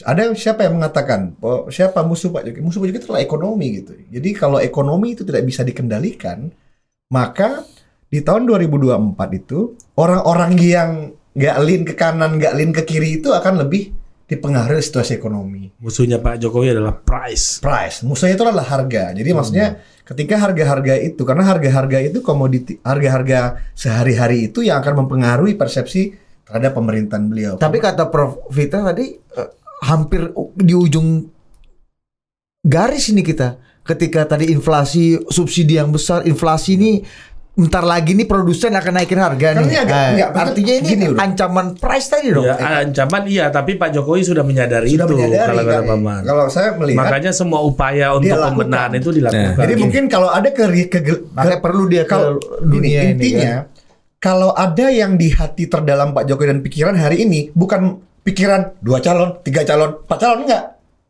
Sebanyak apa pun calon dia akan tetap bisa mengendorse dan itu akan terjadi kalau situasi ekonominya Ah, oke. Udah cocok jadi juru bicara Pak Jokowi. Ah, gini gini. cocok. Ka- jadi, jadi jadi begini. Ketika Um, eh, Pak kita- Jokowi pensiun jadi presiden. Iya, iya, iya, bagus juga tuh. Juru Di bicara eh, keluarga. Joko Widodo Institute. Iya kan seperti Pak Yudhoyono. sebagai direktur eksekutif dan sekaligus editor in chief. Nah, Jokowi Institute. Nah, tahu. Kalau kita balik lagi tadi ke subsidi ya, kalaupun pemerintah harus spending money ya, dan memang harus ya di saat-saat ke- ketat seperti ini kita ingat tadi petuahnya dari Kiai Haji. Keynes ya, Kiai Haji Keynes bahwa ya jangan kikir ya kalau kikir ekonomi nggak berputar. Tapi em, yang juga tidak kalah pentingnya adalah sekarang kita harus melihat sekarang yang paling terdampak dari volatilitas, yang paling terdampak dari inflasi siapa sih? Yang paling bawah kan. Nah, yang paling atas ini tidak terlalu terganggu. Ya. Masih lah bisa beli gitu. yang paling ya. bawah ini yang kemudian jadi masalah. Nah, kalau misalnya tadi ya, subsidinya ke BBM, itu se- yang atas, yang bawah bisa kena juga. Maksudnya semuanya bisa manfaatkan gini loh. Sekarang kita em, ini harga eh, V-Power di Shell itu 19.000 Yes. Harga Pertamax Turbo ini kan kalau V, V-Power itu RON 95 ya kan, versus RON 95 atau 98 juga di eh, Pertamina. Pertamax Turbo itu RON 98 katanya. Itu harganya sekarang 14.000. lebih murah dibanding V-Power. Iya. Itu meskipun kita sekarang perdebatannya oh pertalite pertalite apa namanya? 7.000. eh, itu segala macam itu yang disubsidi. Tapi sejatinya ini juga masih disubsidi. Bos. Yang atas itu. Yang atas ini juga masih disubsidi. Ya, Mobil saya, saya Parman ka- ini ka- juga kalau misalnya eh, saya sebagai rational economic agent itu pasti akan ngambil yang lebih murah dong untuk me- mengentertain consumer surplus. Saya udah mulai pindah Pertamina lagi. Iya kan? Iya. Karena- Biasanya pakai Shell. Oh, bukannya pakai Vivo Cosmetic gitu enggak? Nggak itu kalau pertanyaan Paman kemarin, lu kerasa nggak harga-harga naik? Iya nggak kerasa karena gue nggak pernah ke pasar. Mungkin istri gue ngerasain tapi untuk beli BBM gue biasa pakai Shell. Gue Pin- pindah. Iya, ke Berarti kan pertanda ada pertanda-tanda yang Iya. lo alamin di diri lu. itu beban Nah, Pertamina. enggak gini, ini agak menarik. Ah. Biar mulai ke, pegang-pegang. mulai ke fokus ke politik lagi. Artinya bagi seorang Ari Iya. yang host total politik, founder total politik tiap hari ketemu orang politik, dia mulai geser dari Shell ke Pertamina. Iya. Nah, bagi orang yang nggak terpapar informasi politik, nggak peduli cebong kampret, dia hanya hidup sehari-hari, orang-orang itu yang akan menentukan kemenangan pemilu, orang di tengah gitu loh maksud gua. Jadi itu pun pasti mereka lebih merasakan dari apa yang dari gua sekedar Ari. Putra Iya. gitu. Nah kalau itu terjadi sekian lama, berarti kan keinginan untuk melakukan endorse bisa berbahaya. Iya betul betul. Iya. Nah, Cocok sebenarnya ada cara lain tadi selain apa subsidi em, apa kita bicara mengenai infrastruktur, kita bicara mengenai logistik dan subsidi ini seharusnya lebih kemudian tepat sasaran. Caranya adalah ya kembali lagi ini mungkin terkesan tradisional tapi sebenarnya enggak ya. Kasih BLT. bansos BLT ini. Ya. Ini kalau kita bicara data Kemensos itu menurut beberapa sumber itu termasuk salah satu yang paling paling apa ya komprehensif Iya. di Asia bahkan dibanding India ya. Berarti sudah oke dong. Makanya Jadi kalau kita oh kita sudah oke. berarti kalau misalnya mau spending langsung udah tahu sekarang pemerintah. By name, udah ada datanya. By by address. address. Udah ada datanya. Mantap juga Ibu Risma kita ini berarti. Tinggal hantam sebelum Ibu aja. Risma itu sih. Ini ini udah memang Oh mantap juga Pak Ari Batubara ini. Berarti gini dong bos. Berarti ini menarik di pemerintah tidak ada problem. Siapa pun yang jadi presiden tidak ada problem kalau dia mau tembak subsidi langsung. Iya. Eh, Dia udah karena- tahu siapa yang mau tembak. Karena bahkan paman ketika harga apa namanya minyak goreng itu naik ada BLT Kasih minyak minyak goreng kasih. itu 30 juta orang. Mantap juga Ustadz Salim Segaf Abil Jufri ini. Sebelumnya lagi. Mantap juga Ibu Intan Suseno. ini. Eh, kan? Baktiar Ramsah. Iya. Dia disalahin Dan terus. itu, itu sebelumnya. tiga, Dit, itu 30 juta yang dapat 300 ribu. Iya. Oke. Nah, jadi Biasa, kan? jadi sebenarnya sebenarnya kita Ris- Risma ya. kita sudah punya fondasi yang cukup baik gitu ya. Jadi jangan sampai kemudian eh, itu kembali lagi ke apa namanya subsidi energi yang tadi jangan sampai saya- uyah berarti ini ya. Iya, jangan 500 sampai kemudian saya ketemu lagi sama Prof Adrianus Moy tahun 2023 2024. We were lucky at that time. Ya, jangan ketemu dia ngomong itu lagi kan berarti loh. Iya, ini kok iya, ada iya, javu. We're- And now we are running out of luck. Tapi kan gini loh. Tapi kan nggak, ada nggak paman gini. Salah ada satu kalau kita ingat 2014 ya, Pak Jokowi itu kan yang kemudian mendiferensiasikan dia dengan Pak SBY adalah dia berani. subsidi. Dia berani. Kita cabut. Ya. Nah, kenapa sekarang itu jadi berubah gitu, Prof? Ya mungkin juga kepentingan politik saya nggak ngerti ya. Mungkin eh, dari sisi ini memang ketakutan terbesar pemerintah adalah oh, ini inflasi melonjak segala macam memang harus dijaga nih. Karena karena kalau enggak ini kan melompatnya. Oh, iya. Kalau dalam saya saat ini. melihat- Betul, ya. kalau nggak ada yang populis policy ini Iya. bisa mungkin kita ini lebih ambruk lagi seperti yang pertanyaan Pak Ta- Man ta- tadi. Ya artinya menurut saya politik. Toh kita pasti punya windfall dari komoditi Iya, sehingga kita iya. pasti punya oh Pasti brankas kita coba gimana nih? Kantong kanan, kantong kiri. Iya. Ada. Ada kantong Memang kanan, uangnya sekarang ada apa enggak ya bisa kita dapat limpahan dari komoditas itu. Tapi sampai kapan? Nah ini yang harus kita Prediksinya sampai kapan? Eh, kalau menurut Prof. Nah, balik, jadi gini, Sampai jadi oh ya tadi balik lagi ke apa ya apa yang dilakukan oleh Amerika Serikat ya. kapan? Amerika Serikat ketika menaikkan uh, suku bunga. Nah, ini, ini jadi gini. Ini kan kondisi sebelumnya adalah demand overshooting. Ya. Nah, overshooting. Kita demand over di, ini, Rin. demand overshooting. Apa bahasa manusianya itu? Keren Bro? cewek-cewek ini. Pokoknya kita apa namanya permintaan itu naik banget gitu. Banyak orang kemudian yang sekarang pengen belanja. ya. Supply masih belum bisa Lu memenuhi. mau datang ke pasar banyak nih orang berbondong-bondong banyak bawa, bawa segala duit segala barangnya nggak ada. oh, barangnya nggak ada kan? Kalau ada ya lebih mahal. Ya demand mengatasi supply apa Ah, permintaan gitu. me- Demand overshooting. Iya, ini lu sekarang juga ya, yang gua tiba-tiba pengen beli uh, adaptor keyboard gitu ya gara-gara itu juga Iya, tuh iya, betul iya, betul. Iya, ya. Iya, iya. ada ada impulse buying gitu. Iya, iya, iya. Tapi itu nggak ada. Ah, Gitu. Nah, terus yang ingin dilakukan oleh the Fed dalam hal ini adalah demand destruction. Oke. Ah, Lagi ngeri. Barang ini. Ah, jadi yang sudah naik ini- Pokoknya Anda kalau belum bingung ah, Ah, belum. belum belum ini cocok. Udah apa tadi? Demand Apa? overshooting. Ya, abis itu demand, Demand. Nah, Kalau kata Profesor Adianus semua apa tadi? Itu We are lucky. We are lucky. Iya. We were lucky. Ah, Ini podcast apa? ah, coba coba demand destruction itu apa? Demand destruction itu artinya gini. Kalau kalau kita lihat memahami situasi yang dia ini kan paman pada di Amerika Serikat. ya kan? ini kayak ini siapa Presi, eh, Perdana Menteri Inggris yang pukul sayang Pak Jokowi. Oh, iya. Boris, Boris. Eh, lebih kalau gue lebih ke ke eh, Budi Aristiadi kalau Dia headset. Munce ini. Sama handset. Ma, ngomong dulu. Jadi gini, karena Ersat gak terasa bos. Ada body shaming kan dagangan. jadi jadi jadi per- perusahaan-perusahaan di Amerika Serikat demand destruction ini ya. sekarang sulit untuk mencari pekerja. Wah, Kenapa? Karena Banyak dulu orang yang di, over, di overlay di PHK gitu ya. Orang udah nyaman dan mereka bil- Dari ma- rumah aja. e-commerce main kripto segala macam kan. Ini kan kan di di anggur-anggur mau dipanggil lagi ah, ah, ngapain gua kerja di restoran lagi gitu kan. Al Nah, kripto, sekarang, al kripto eh, teman, ini ya. Teman teman kita udah Alex ya Dato itu cerita temannya yang bikin restoran di sana mau hire karyawan susahnya minta ampun karena sudah ada pekerjaan lain yang mereka lakukan. lucu juga ya. Yang ekonomi stagflasi. Iya, di luar real sector gitu Iya, lah. Nah, iya, iya, ini iya, jadi iya, nah ini iya. jadi stagflasi. Stagflasi itu datang dari selain dari input dari eh, capitalnya, dari input produksinya, tapi juga dari input labor. Jadi labornya yang jadi tambah mahal. Oh. Ya kan? Karena shifting ekonomi ini. ya. Stagflasi juga lah, gitu kan. Orang mulai main-main main saham ini juga kan. Eh, Orangnya biasa kerja dan, dan, dan sialnya ini. dia main itu dimodali pemerintah karena dapat uang bulanan itu.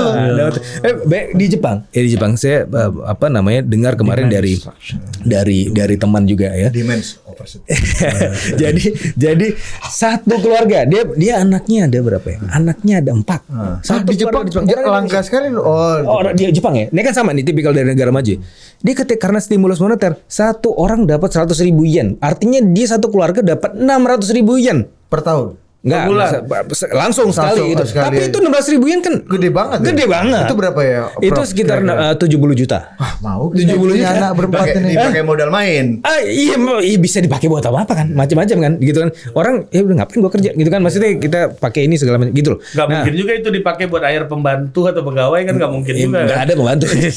nah, dia di Amerika Serikat juga sama. Jadi demand-nya udah ketinggian segala macam, ingin dikurang-kurangi lah sama sama pemerintah. Nah, Oke. cara caranya adalah dengan menaikkan suku bunga supaya apa? Cost of financing menjadi lebih Nah, mahal. Cost of financing. cost of di- demand uh, Overshooting. overshooting, demand distraction, Cost of financing. cost of financing. We were lucky at the time. We were lucky.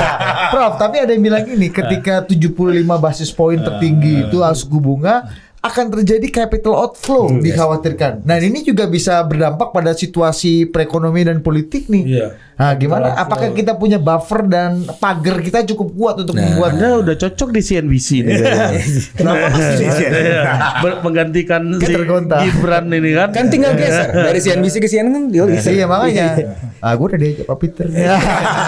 Nah, jadi jadi jadi gini. em, jadi kalau apa namanya ada eh, interest disparity, ada interest rate disparity. Jadi perbedaan Interest, interest Interest rate disparity. Ah, coba kita ulang lagi. Di- demand overshooting, demand distraction, eh, ah, apa tadi? Cost of Cost of of supply. cost of financing. Ya, Cost of financing. We were. Oke. Yang terakhir apa? Ya, ya. Mem, bos, Eh, yang berarti ekonom memang dukun bro. Iya. Itu semua mantra.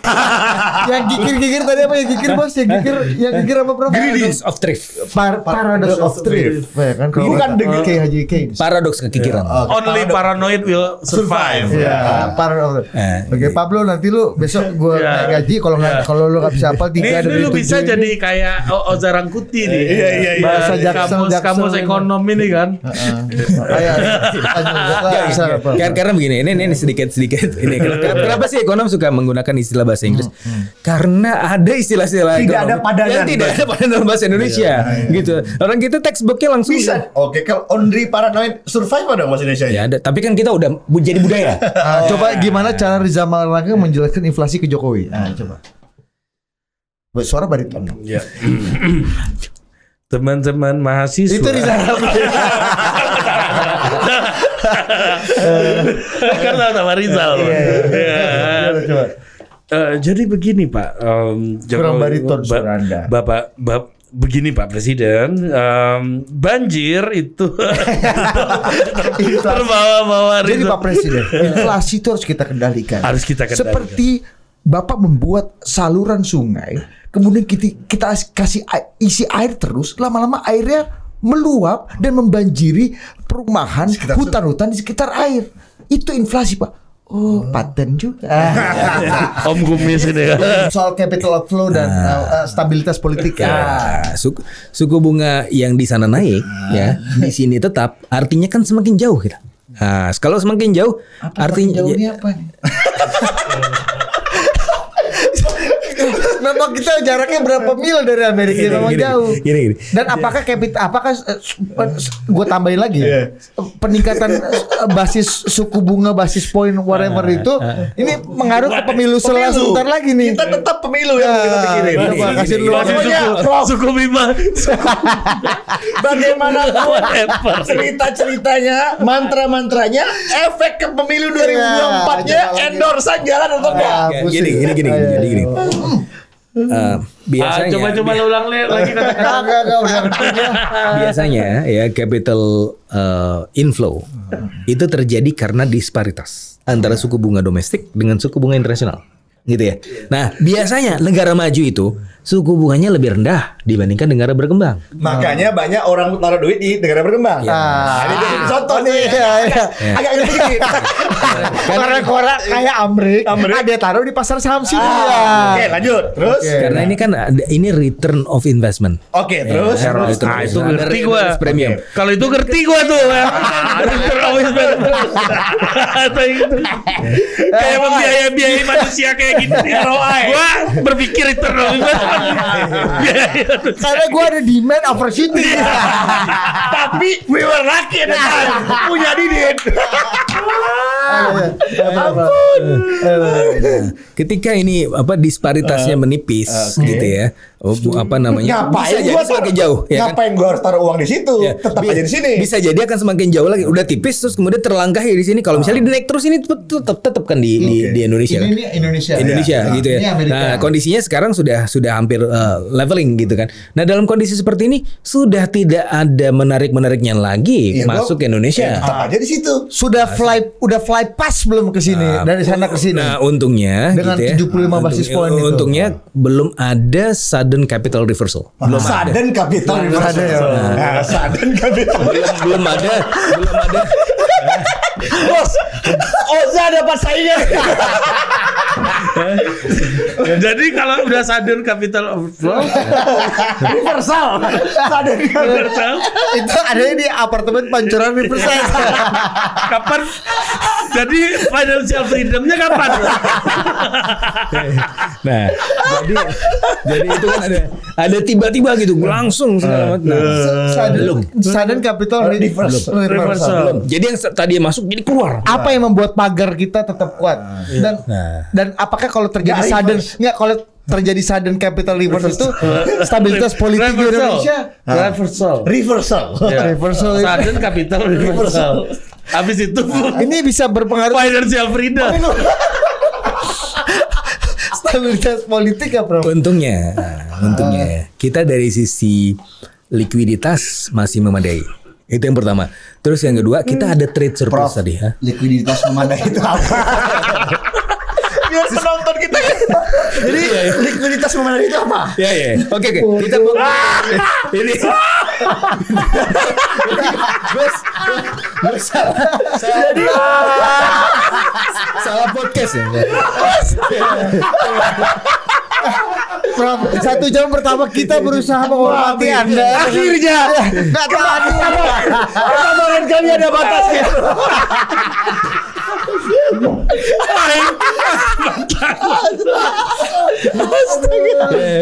Jadi gini.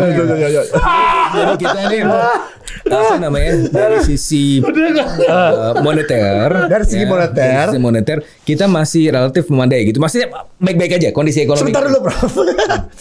Apa yang dimaksud dengan moneter masih memadai? Nih, gini gini, gini. Likuiditas kita memadai. Ya. Tadi likuiditas memadai, Dan kedua moneter memadai. Dan apa dampaknya buat politik? Kita lagi nih? pemilu lagi. Stabilitas lagi nih. Ah, stabilitas pemilu. Kalau terjadi sudden reverse uh, reverse side itu Sudden tiba-tiba capital reversal.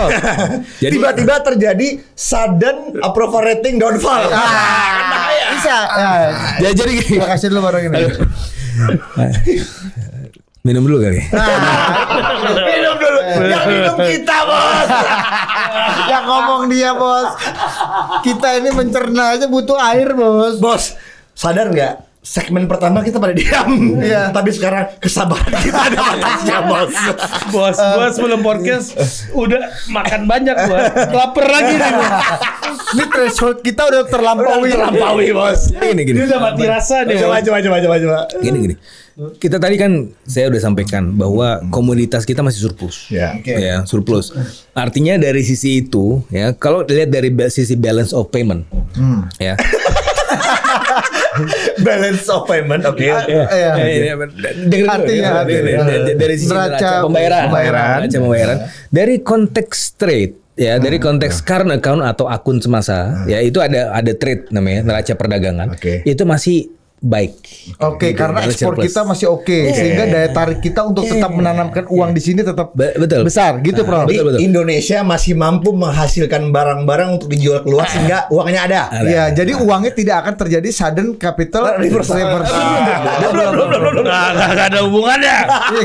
Ya, belum.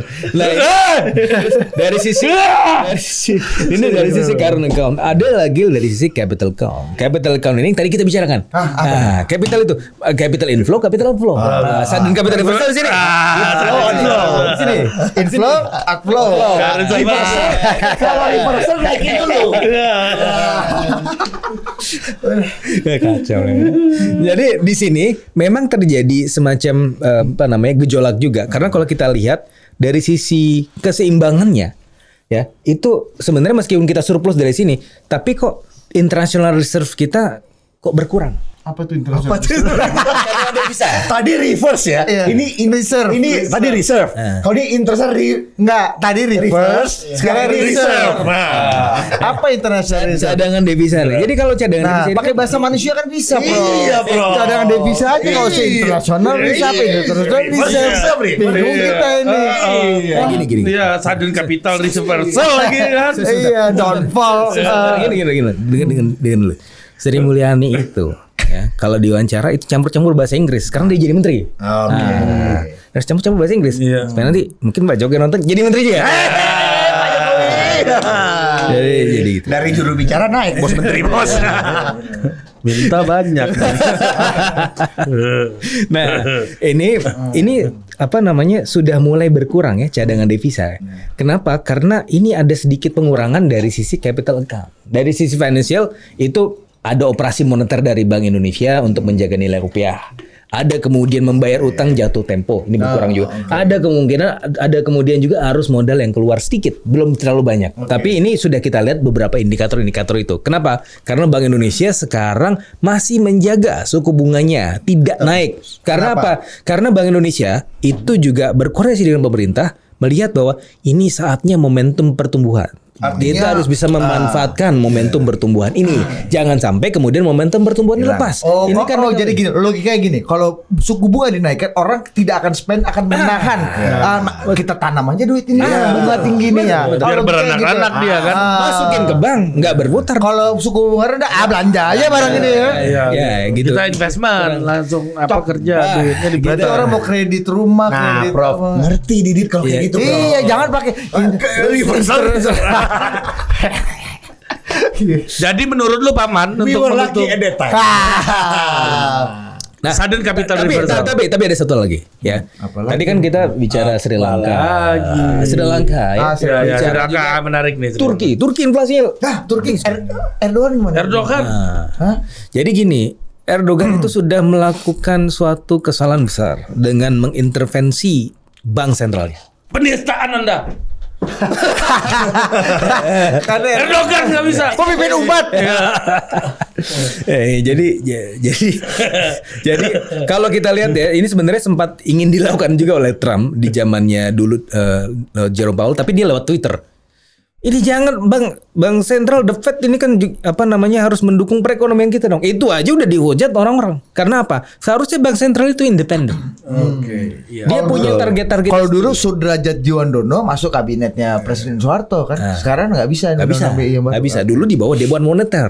Betul, Gitu betul, kan. betul, betul. Sekarang nggak bisa lagi, karena kalau enggak, itu nanti inflasinya gimana dong? Meloncat. Gitu. Nah itu yang terjadi di Turki. Kenapa inflasinya tinggi? Nah ini Oh, ini makanya ada sebutan komunikasi antara lapangan Banteng dengan Tamrin ini harus ah gitu, Ah itu. Jadi jadi dalam nah Alisa Alesina dan Tabelin di tahun KSSK 2002. ini ya.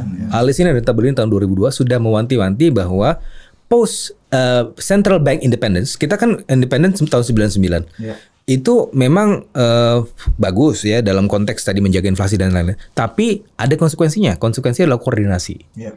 Nah, untungnya selama kita belajar dari post 1999 setelah Bank Sentral Independent sampai sekarang itu sudah lebih baik lagi komunikasinya, gitu kan. Sehingga Bank Sentral tahu tanpa harus pemerintah harus kasih tahu. Gitu kan kita harus menjaga momentum pertumbuhan kan segala ada. macam. Dan ini ditolong dengan beberapa gubernur Bank Indonesia jadi Menteri Keuangan. Iya. Ah, beberapa beberapa mantan Dirjen Pajak jadi Gubernur Ah, Bank Indonesia. jadi- jadi- Nah, jadi- jadi. Menko Perekonomian. Ah, ya jadi kan? udah ngerti. Jadi ah, Ngerti, jadi makanya, makanya.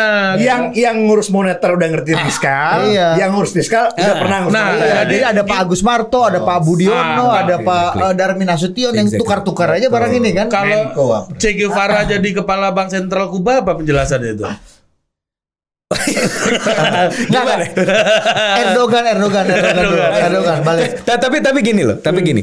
Ya tadi saya benar ya. Jadi ke- ketika apa namanya otoritas moneter dan fiskal itu sudah tahu dan paham bahkan sudah apa namanya punya sempat eh, mencoba ya. sepatunya masing-masing. Ini berarti gini. Kalau kita lagi eh, naik mobil gitu, kan ada mo- mo- motor, ada motor gitu kan. Terus motor saya terus eh, oh ini orang nggak pernah bawa mobil. Tapi kalau misalnya betul. tapi kalau misalnya kita lihat Ah. motor, wah ini juga dia yang pernah bawa mobil. Ah, ini Begini harusnya. Iya, bahasa gini. Di bahasa manusia ini. International Nah, berarti udah bisa menggantikan Bang Celi. Ya, rajat-rajat ini kan kalau motor sama Jadi mobil tadi tuh apa? Sungai, Sungai, overflow, overflow eh, dan eh, inflasi. Berarti fiskal membawa mobil. Mobil. itu Moneter Motor. Kalau orang yang bawa mobil pernah bisa bawa motor, Ah, ah, dia jalur. lebih berada. Ah. Oh. Nah. Udah ini kan penjelasan ini. bagus Tapi ini. tapi ada itu, ngaruh itu juga. ya. pun sebagian rakyat belum ada juga yang nggak pernah bawa mobil di sini nih. Iya. Katro, El Catro, El Catro ini kan. Nah, jadi Iya, uh, benar-benar, jadi benar. begitu sudah saling memahami sehingga tanpa diberitahu pun sudah tahu apa prioritasnya. Jadi oke juga tuh ya antara swap swap antara Menteri Keuangan jadi jadi Gubernur Bank ada Indonesia, jadi baik. Wapres, sudah, jadi. Menko. Ekonomi. Harus bikin studi banding sering-sering juga Bagus nih juga nih. Menarik nih, Iya. menarik. Berarti kita nih punya skema independensi yang agak Unik. eh, unik ya. Karena ada pertukaran tadi ya. Ya, Iya. pertukaran pelajar ini. Dan Iya, dari bener ya dari dari mulai 19 kayak gitu ya. Setelah Pak Syarli Sabiri, Pak Burhanuddin Abdullah pernah jadi Menko, pernah jadi Agus, Gubernur gitu kan. Indonesia. jadi Agus itu mem- jadi Agus itu Marto, jadi jadi itu sedikit banyak bisa memangkas Pabut. Mau jadi wapres ya. Iya. ya sedikit banyak bisa memangkas ego Sektoral. institusi. Ya, Bank Indonesia harus begini. Kan biasanya Bank Indonesia adalah pemakan inflasi. Ya. Burung elang pemakan inflasi. Ya. Tapi kalau kalau apa, eh, apa eh, pemerintah justru tujuan apa namanya yang dilakukan adalah menimbulkan inflasi. Karena pertumbuhan ekonomi itu kan konsekuensinya inflasi juga. Gitu. Nah, ini kadang-kadang saling mengoffset gitu ya. Jadi kayak menekan pedal dan rem itu harus harus ya kapan kapan ngegas, Oh, rem harus kebijakan gas dan rem ini juga dari ekonomi nih. Berarti cocok ah, presiden ke depan pengganti Pak Jokowi harus meng- eh, harus mengangkat Pak Peri menjadi Menteri Keuangan. Iya. Iya kan? Jadi enak dia. Ya enak barang ini kan. bisa. Atau Bu Sri Mulyani jadi Iya. gubernur. Gubernur BI. BI. bisa Atau juga. Mirza di Aditya Suara jadi Menteri Keuangan. Bisa jadi. Itu aja barang-barang Bisa, ini. bisa. Oh, Atau berarti- Ibu Miranda Gultom lagi dari pesta-pesta Bu Miranda. Iya, iya, iya. Jadi Menteri Keuangan. Iya. Nah, benar. berarti ini bisa jadi model juga untuk mengatasi ego sektoral yang nggak Ya. selesai selama ini Studi di pemerintahan Indonesia gitu. ya.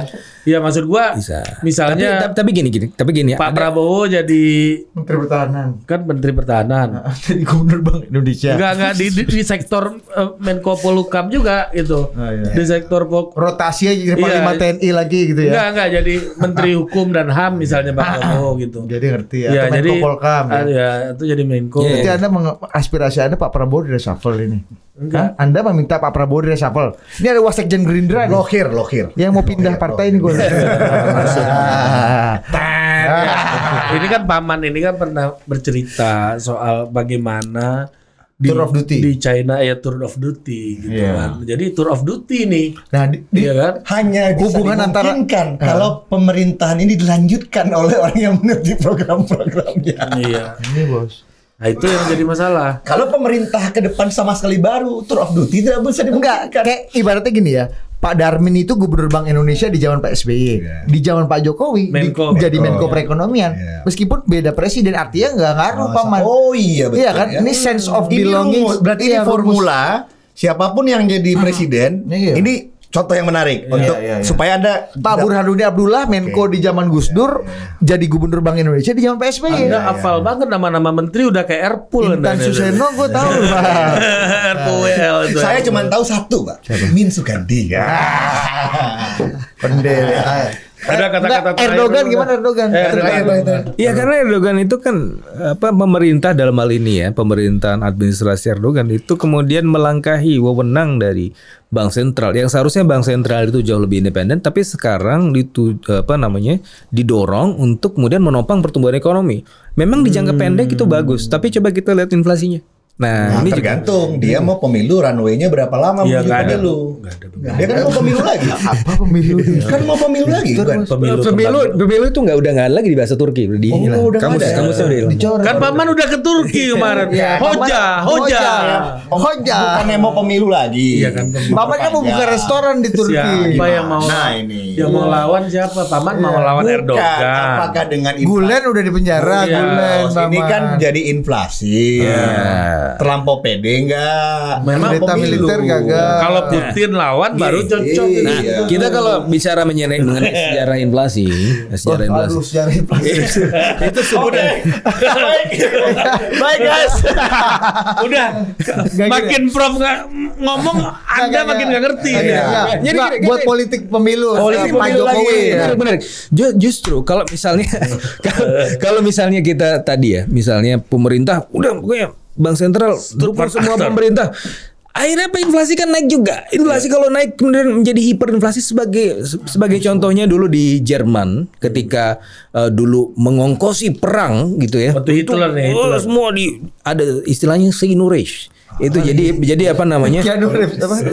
Seinurage. Mbak Surip. Itu bahasa Jerman. Jadi, Bahasa jadi- Jerman. jadi itu bagaimana fiskal ini kemudian eh, apa namanya dibuat secara tidak prudent untuk kemudian em, apa namanya mengongkosi tadi perang ya. Jadi cip- menciptakan uang segala macam gitu ya tanpa ada basis yang jelas. Oh, kayak dulu Akhirnya Bung Karno, kita pernah dong 600% inflasi. Pernah. Dulu Bung Karno pernah mengatakan Eh gini jangan pada salah bicara Yusuf- kau. Anak-anak muda ini bicara angka Yusuf. Budala. Ada ada satu kalimat eh, Bung Karno ketika berbicara di eh, Bank Sentral dibilang ini. Bank Indonesia adalah bank perjuangan. We are fighting bank for a fighting nation. Cetak uang. Lonceng kematian imperialisme telah berbunyi. It's ring, it's ring menggelegar artinya saudara-saudara. Eh, itu Cetak uang. ya, ya. itu oke lah kalau di zaman itu ya. Tapi Ini kan kita aja Eh, tapi, tapi tapi intinya, tapi intinya itu itu tadi hyper hiperinflasi itu itu sempat terjadi di Indonesia juga tempat terjadi juga di Jerman. Jadi paling parah mungkin waktu itu di Jerman orang itu kemudian eh, apa untuk membayar sekerat roti itu harus membawa segerobak uang. Ya. Dan yang lebih parah lagi hiperinflasi mungkin terjadi di Zimbabwe. Saya Iya, saya pernah ditunjukin profesor satu satu triliun dolar Zimbabwe itu ya ada. Iya iya. Sa- Satu triliun. Waktu itu saya dari perjalanan dari tahun 2015 ya. Oh, Anda pernah ke Zimbabwe? Belum. Anda Anda siapa yang? Kira, iya. Anda, anda tenang lu tenang. Jadi saya, da- dari perjalanan dari Chiang Mai ke Jakarta, saya Chiang duduk di Mai. Sama ini Thailand. Anda ngapain? Sebut- ke pap pap ada ada seminar seminar seminar. Nah itu di sebelah saya ada orang bule. Orang bule itu ternyata orang Zimbabwe. Tapi, tapi bule karena memang ya dia di sana kan juga Zimbabwe ada bahasa bule. Inggris native-nya kan. Ada bule juga kan di situ karena Zimbabwe berarti. saya, eh, dia bilang katanya tiga Bruce Go, Bruce Grobler kipernya Liverpool, tuh orang Zimbabwe, bosnya. ya. Nah, terus dia bilang, terus dia tunjukin, eh, nih Anda mau lihat nggak? Satu triliun Zimbabwe. Ya, satu triliun Zimbabwe. Kenapa? Ya karena ya waktu itu ya di Zimbabwe tidak dikelola dengan baik keadaan fiskal dan moneter sehingga pada saat ini lebih lebih parah lagi di Zimbabwe. Ke inflasi bisa satu juta persen. Jadi orang itu dikasih bayaran gaji sekarang, ya, terus kemudian nggak bisa pulang ke rumah karena apa? pas mau pulang duitnya habis di jalan. Transportasi naik, jadi habis hilang satu juta persen hingga harus dinormalisasi gitu ya dengan dengan dolar. Nah itu udah nggak dipakai lagi. Tapi kita kan nggak mau sampai seperti itu, ya kan? Makanya untuk sampai sekarang sih kita masih sangat prudent. Leste aman ya, post 99 kita masih masih sangat sangat prudent pengelolaan sektor moneter, sektor fiskalnya. Nah ini harus tetap kita jaga, jangan sampai kepentingan-kepentingan di jangka pendek ini kita menjadi apa mengorbankan kepentingan di jangka pendek. 500 triliun subsidi Berarti misalnya. kesimpulannya Ah, kesimpulan Pak. Kasih hikmah dulu. Kasih dulu itu uh, Nah, kesimpulannya menuju pemilu ke depan, insya Allah aman-aman saja. Kalau aman Insya berarti Allah, ya. Apa di apa, apa tadi? Ah, gue lupa gobloknya. Demand overshooting. Nah, Capital sudden capital reversal. Ah, satu lagi. Kalau kata Profesor Kiai Haji honoris causa John Maynard Keynes, Ya. Jangan kikir. Jangan Paradox kikir. of Thrift. paradox of truth. Nah, kalau tadi only We are- paranoid survive. Ya, we are lucky. We were lucky. Nah, ditutup oleh Profesor Adrianus Moy apa? We were We were lucky. lucky at that time. Buat penonton total politik nih ya. Ini paling absurd. Iya. Makanya itu kenapa eh, kuliah di ekonomi itu masuknya mahal, Ah. nggak bisa dicicil. Bos, bos. Gini Ambilin itu kaos, ngapal-ngapal bos. begini, Bos. Ini, ini gue effort nih, gue menghargai penonton konten ini yang nonton sampai habis. Itu kan jasa. ya. Itu kan kaos Lu- gua. Iya, nanti gue kasih. Kenapa lu pakai kaos gua? Iya. Giveaway, giveaway. Oke, buat lu ya, ini lu taruh di depan video nanti ya. Yang nonton video ini sampai habis dan membuat review terbaik di kolom komentar, gua pilih, gua kasih kaos ini nih. Kaos total politik. Coba tulis di komen semua istilah asing yang disampaikan Iya, oleh Bang iya, Fitra. Nah, ya, Lo- sampai nonton eh, sampai habis. Sampai habis. Lo menus- menistakan narasumber lo. Jadi Kan, harus harus ada hadiah buat menyaksikan narasumber. Lu enggak, ini Enggak hadiah. dong. Ini Ini berarti yang paling mengepres narasumber. Iya. Ini justru satu-satunya yang pakai hadiah. Yang lain nggak ada narasumber Nggak ada. hadiah. Karena yang lain karena yang lain, karena yang lain gak perlu hadiah buat dengerin. lu maksud gua ya, ini lu tulis tuh apa namanya tadi tuh eh, Gue jadi mengerti bedanya Cakra Edi Putra dengan Adi Praetno di UIN ini, Bos. Usludin sama makanya bini gua marah-marah terus dia sejak kuliah ini nih. sejak kuliah ini Iya. nih. Ya kan? Crash overshooting. Waktu Iya. masih bareng-bareng di sosio jarang marah. Ya agak nyambung begitu bahasanya sama gua. ya begitu udah ambil master ekonomi terus Ya, dimarahin. Iya, ada sering marahin gua karena sejak belajar ini. Iya iya. iya. Bukan sejak baru mengerti lalu. Iya, makanya gua baru paham. Gue pengen ngafalin yang Keynes apa tadi, Prof? Paradox of Thrift. Paradox of Strength. Only paranoid can survive. Dan itu siapa yang? Andrew Grove. Hah? Andrew Grove. Oh, Andrew Grove. Oke, bagi lo yang bikin istilah-istilah Lo di kolom dong. komentar, gua kasih kaos ini nih. Udah kaos bagus lah. Ini bukan kaos lu, kaos gue nih. Oh iya. X-nya tiga. Ya, tapi gua akan akan akan kirim sesuai dengan ukuran lu, Hmm. ya. Oke, silakan lu komentar di sini di bawah. Sebutkan istilah-istilah asing tadi buat pokoknya reviewnya paling ciamik sampai Nah. detik akhir gitu kan. Nah, gua kirimin lo. Oke? Oke guys. Sampai, Sampai jumpa jumpa. lagi di trio tengah Sampai malam jumpa. berikutnya. Adios amigos.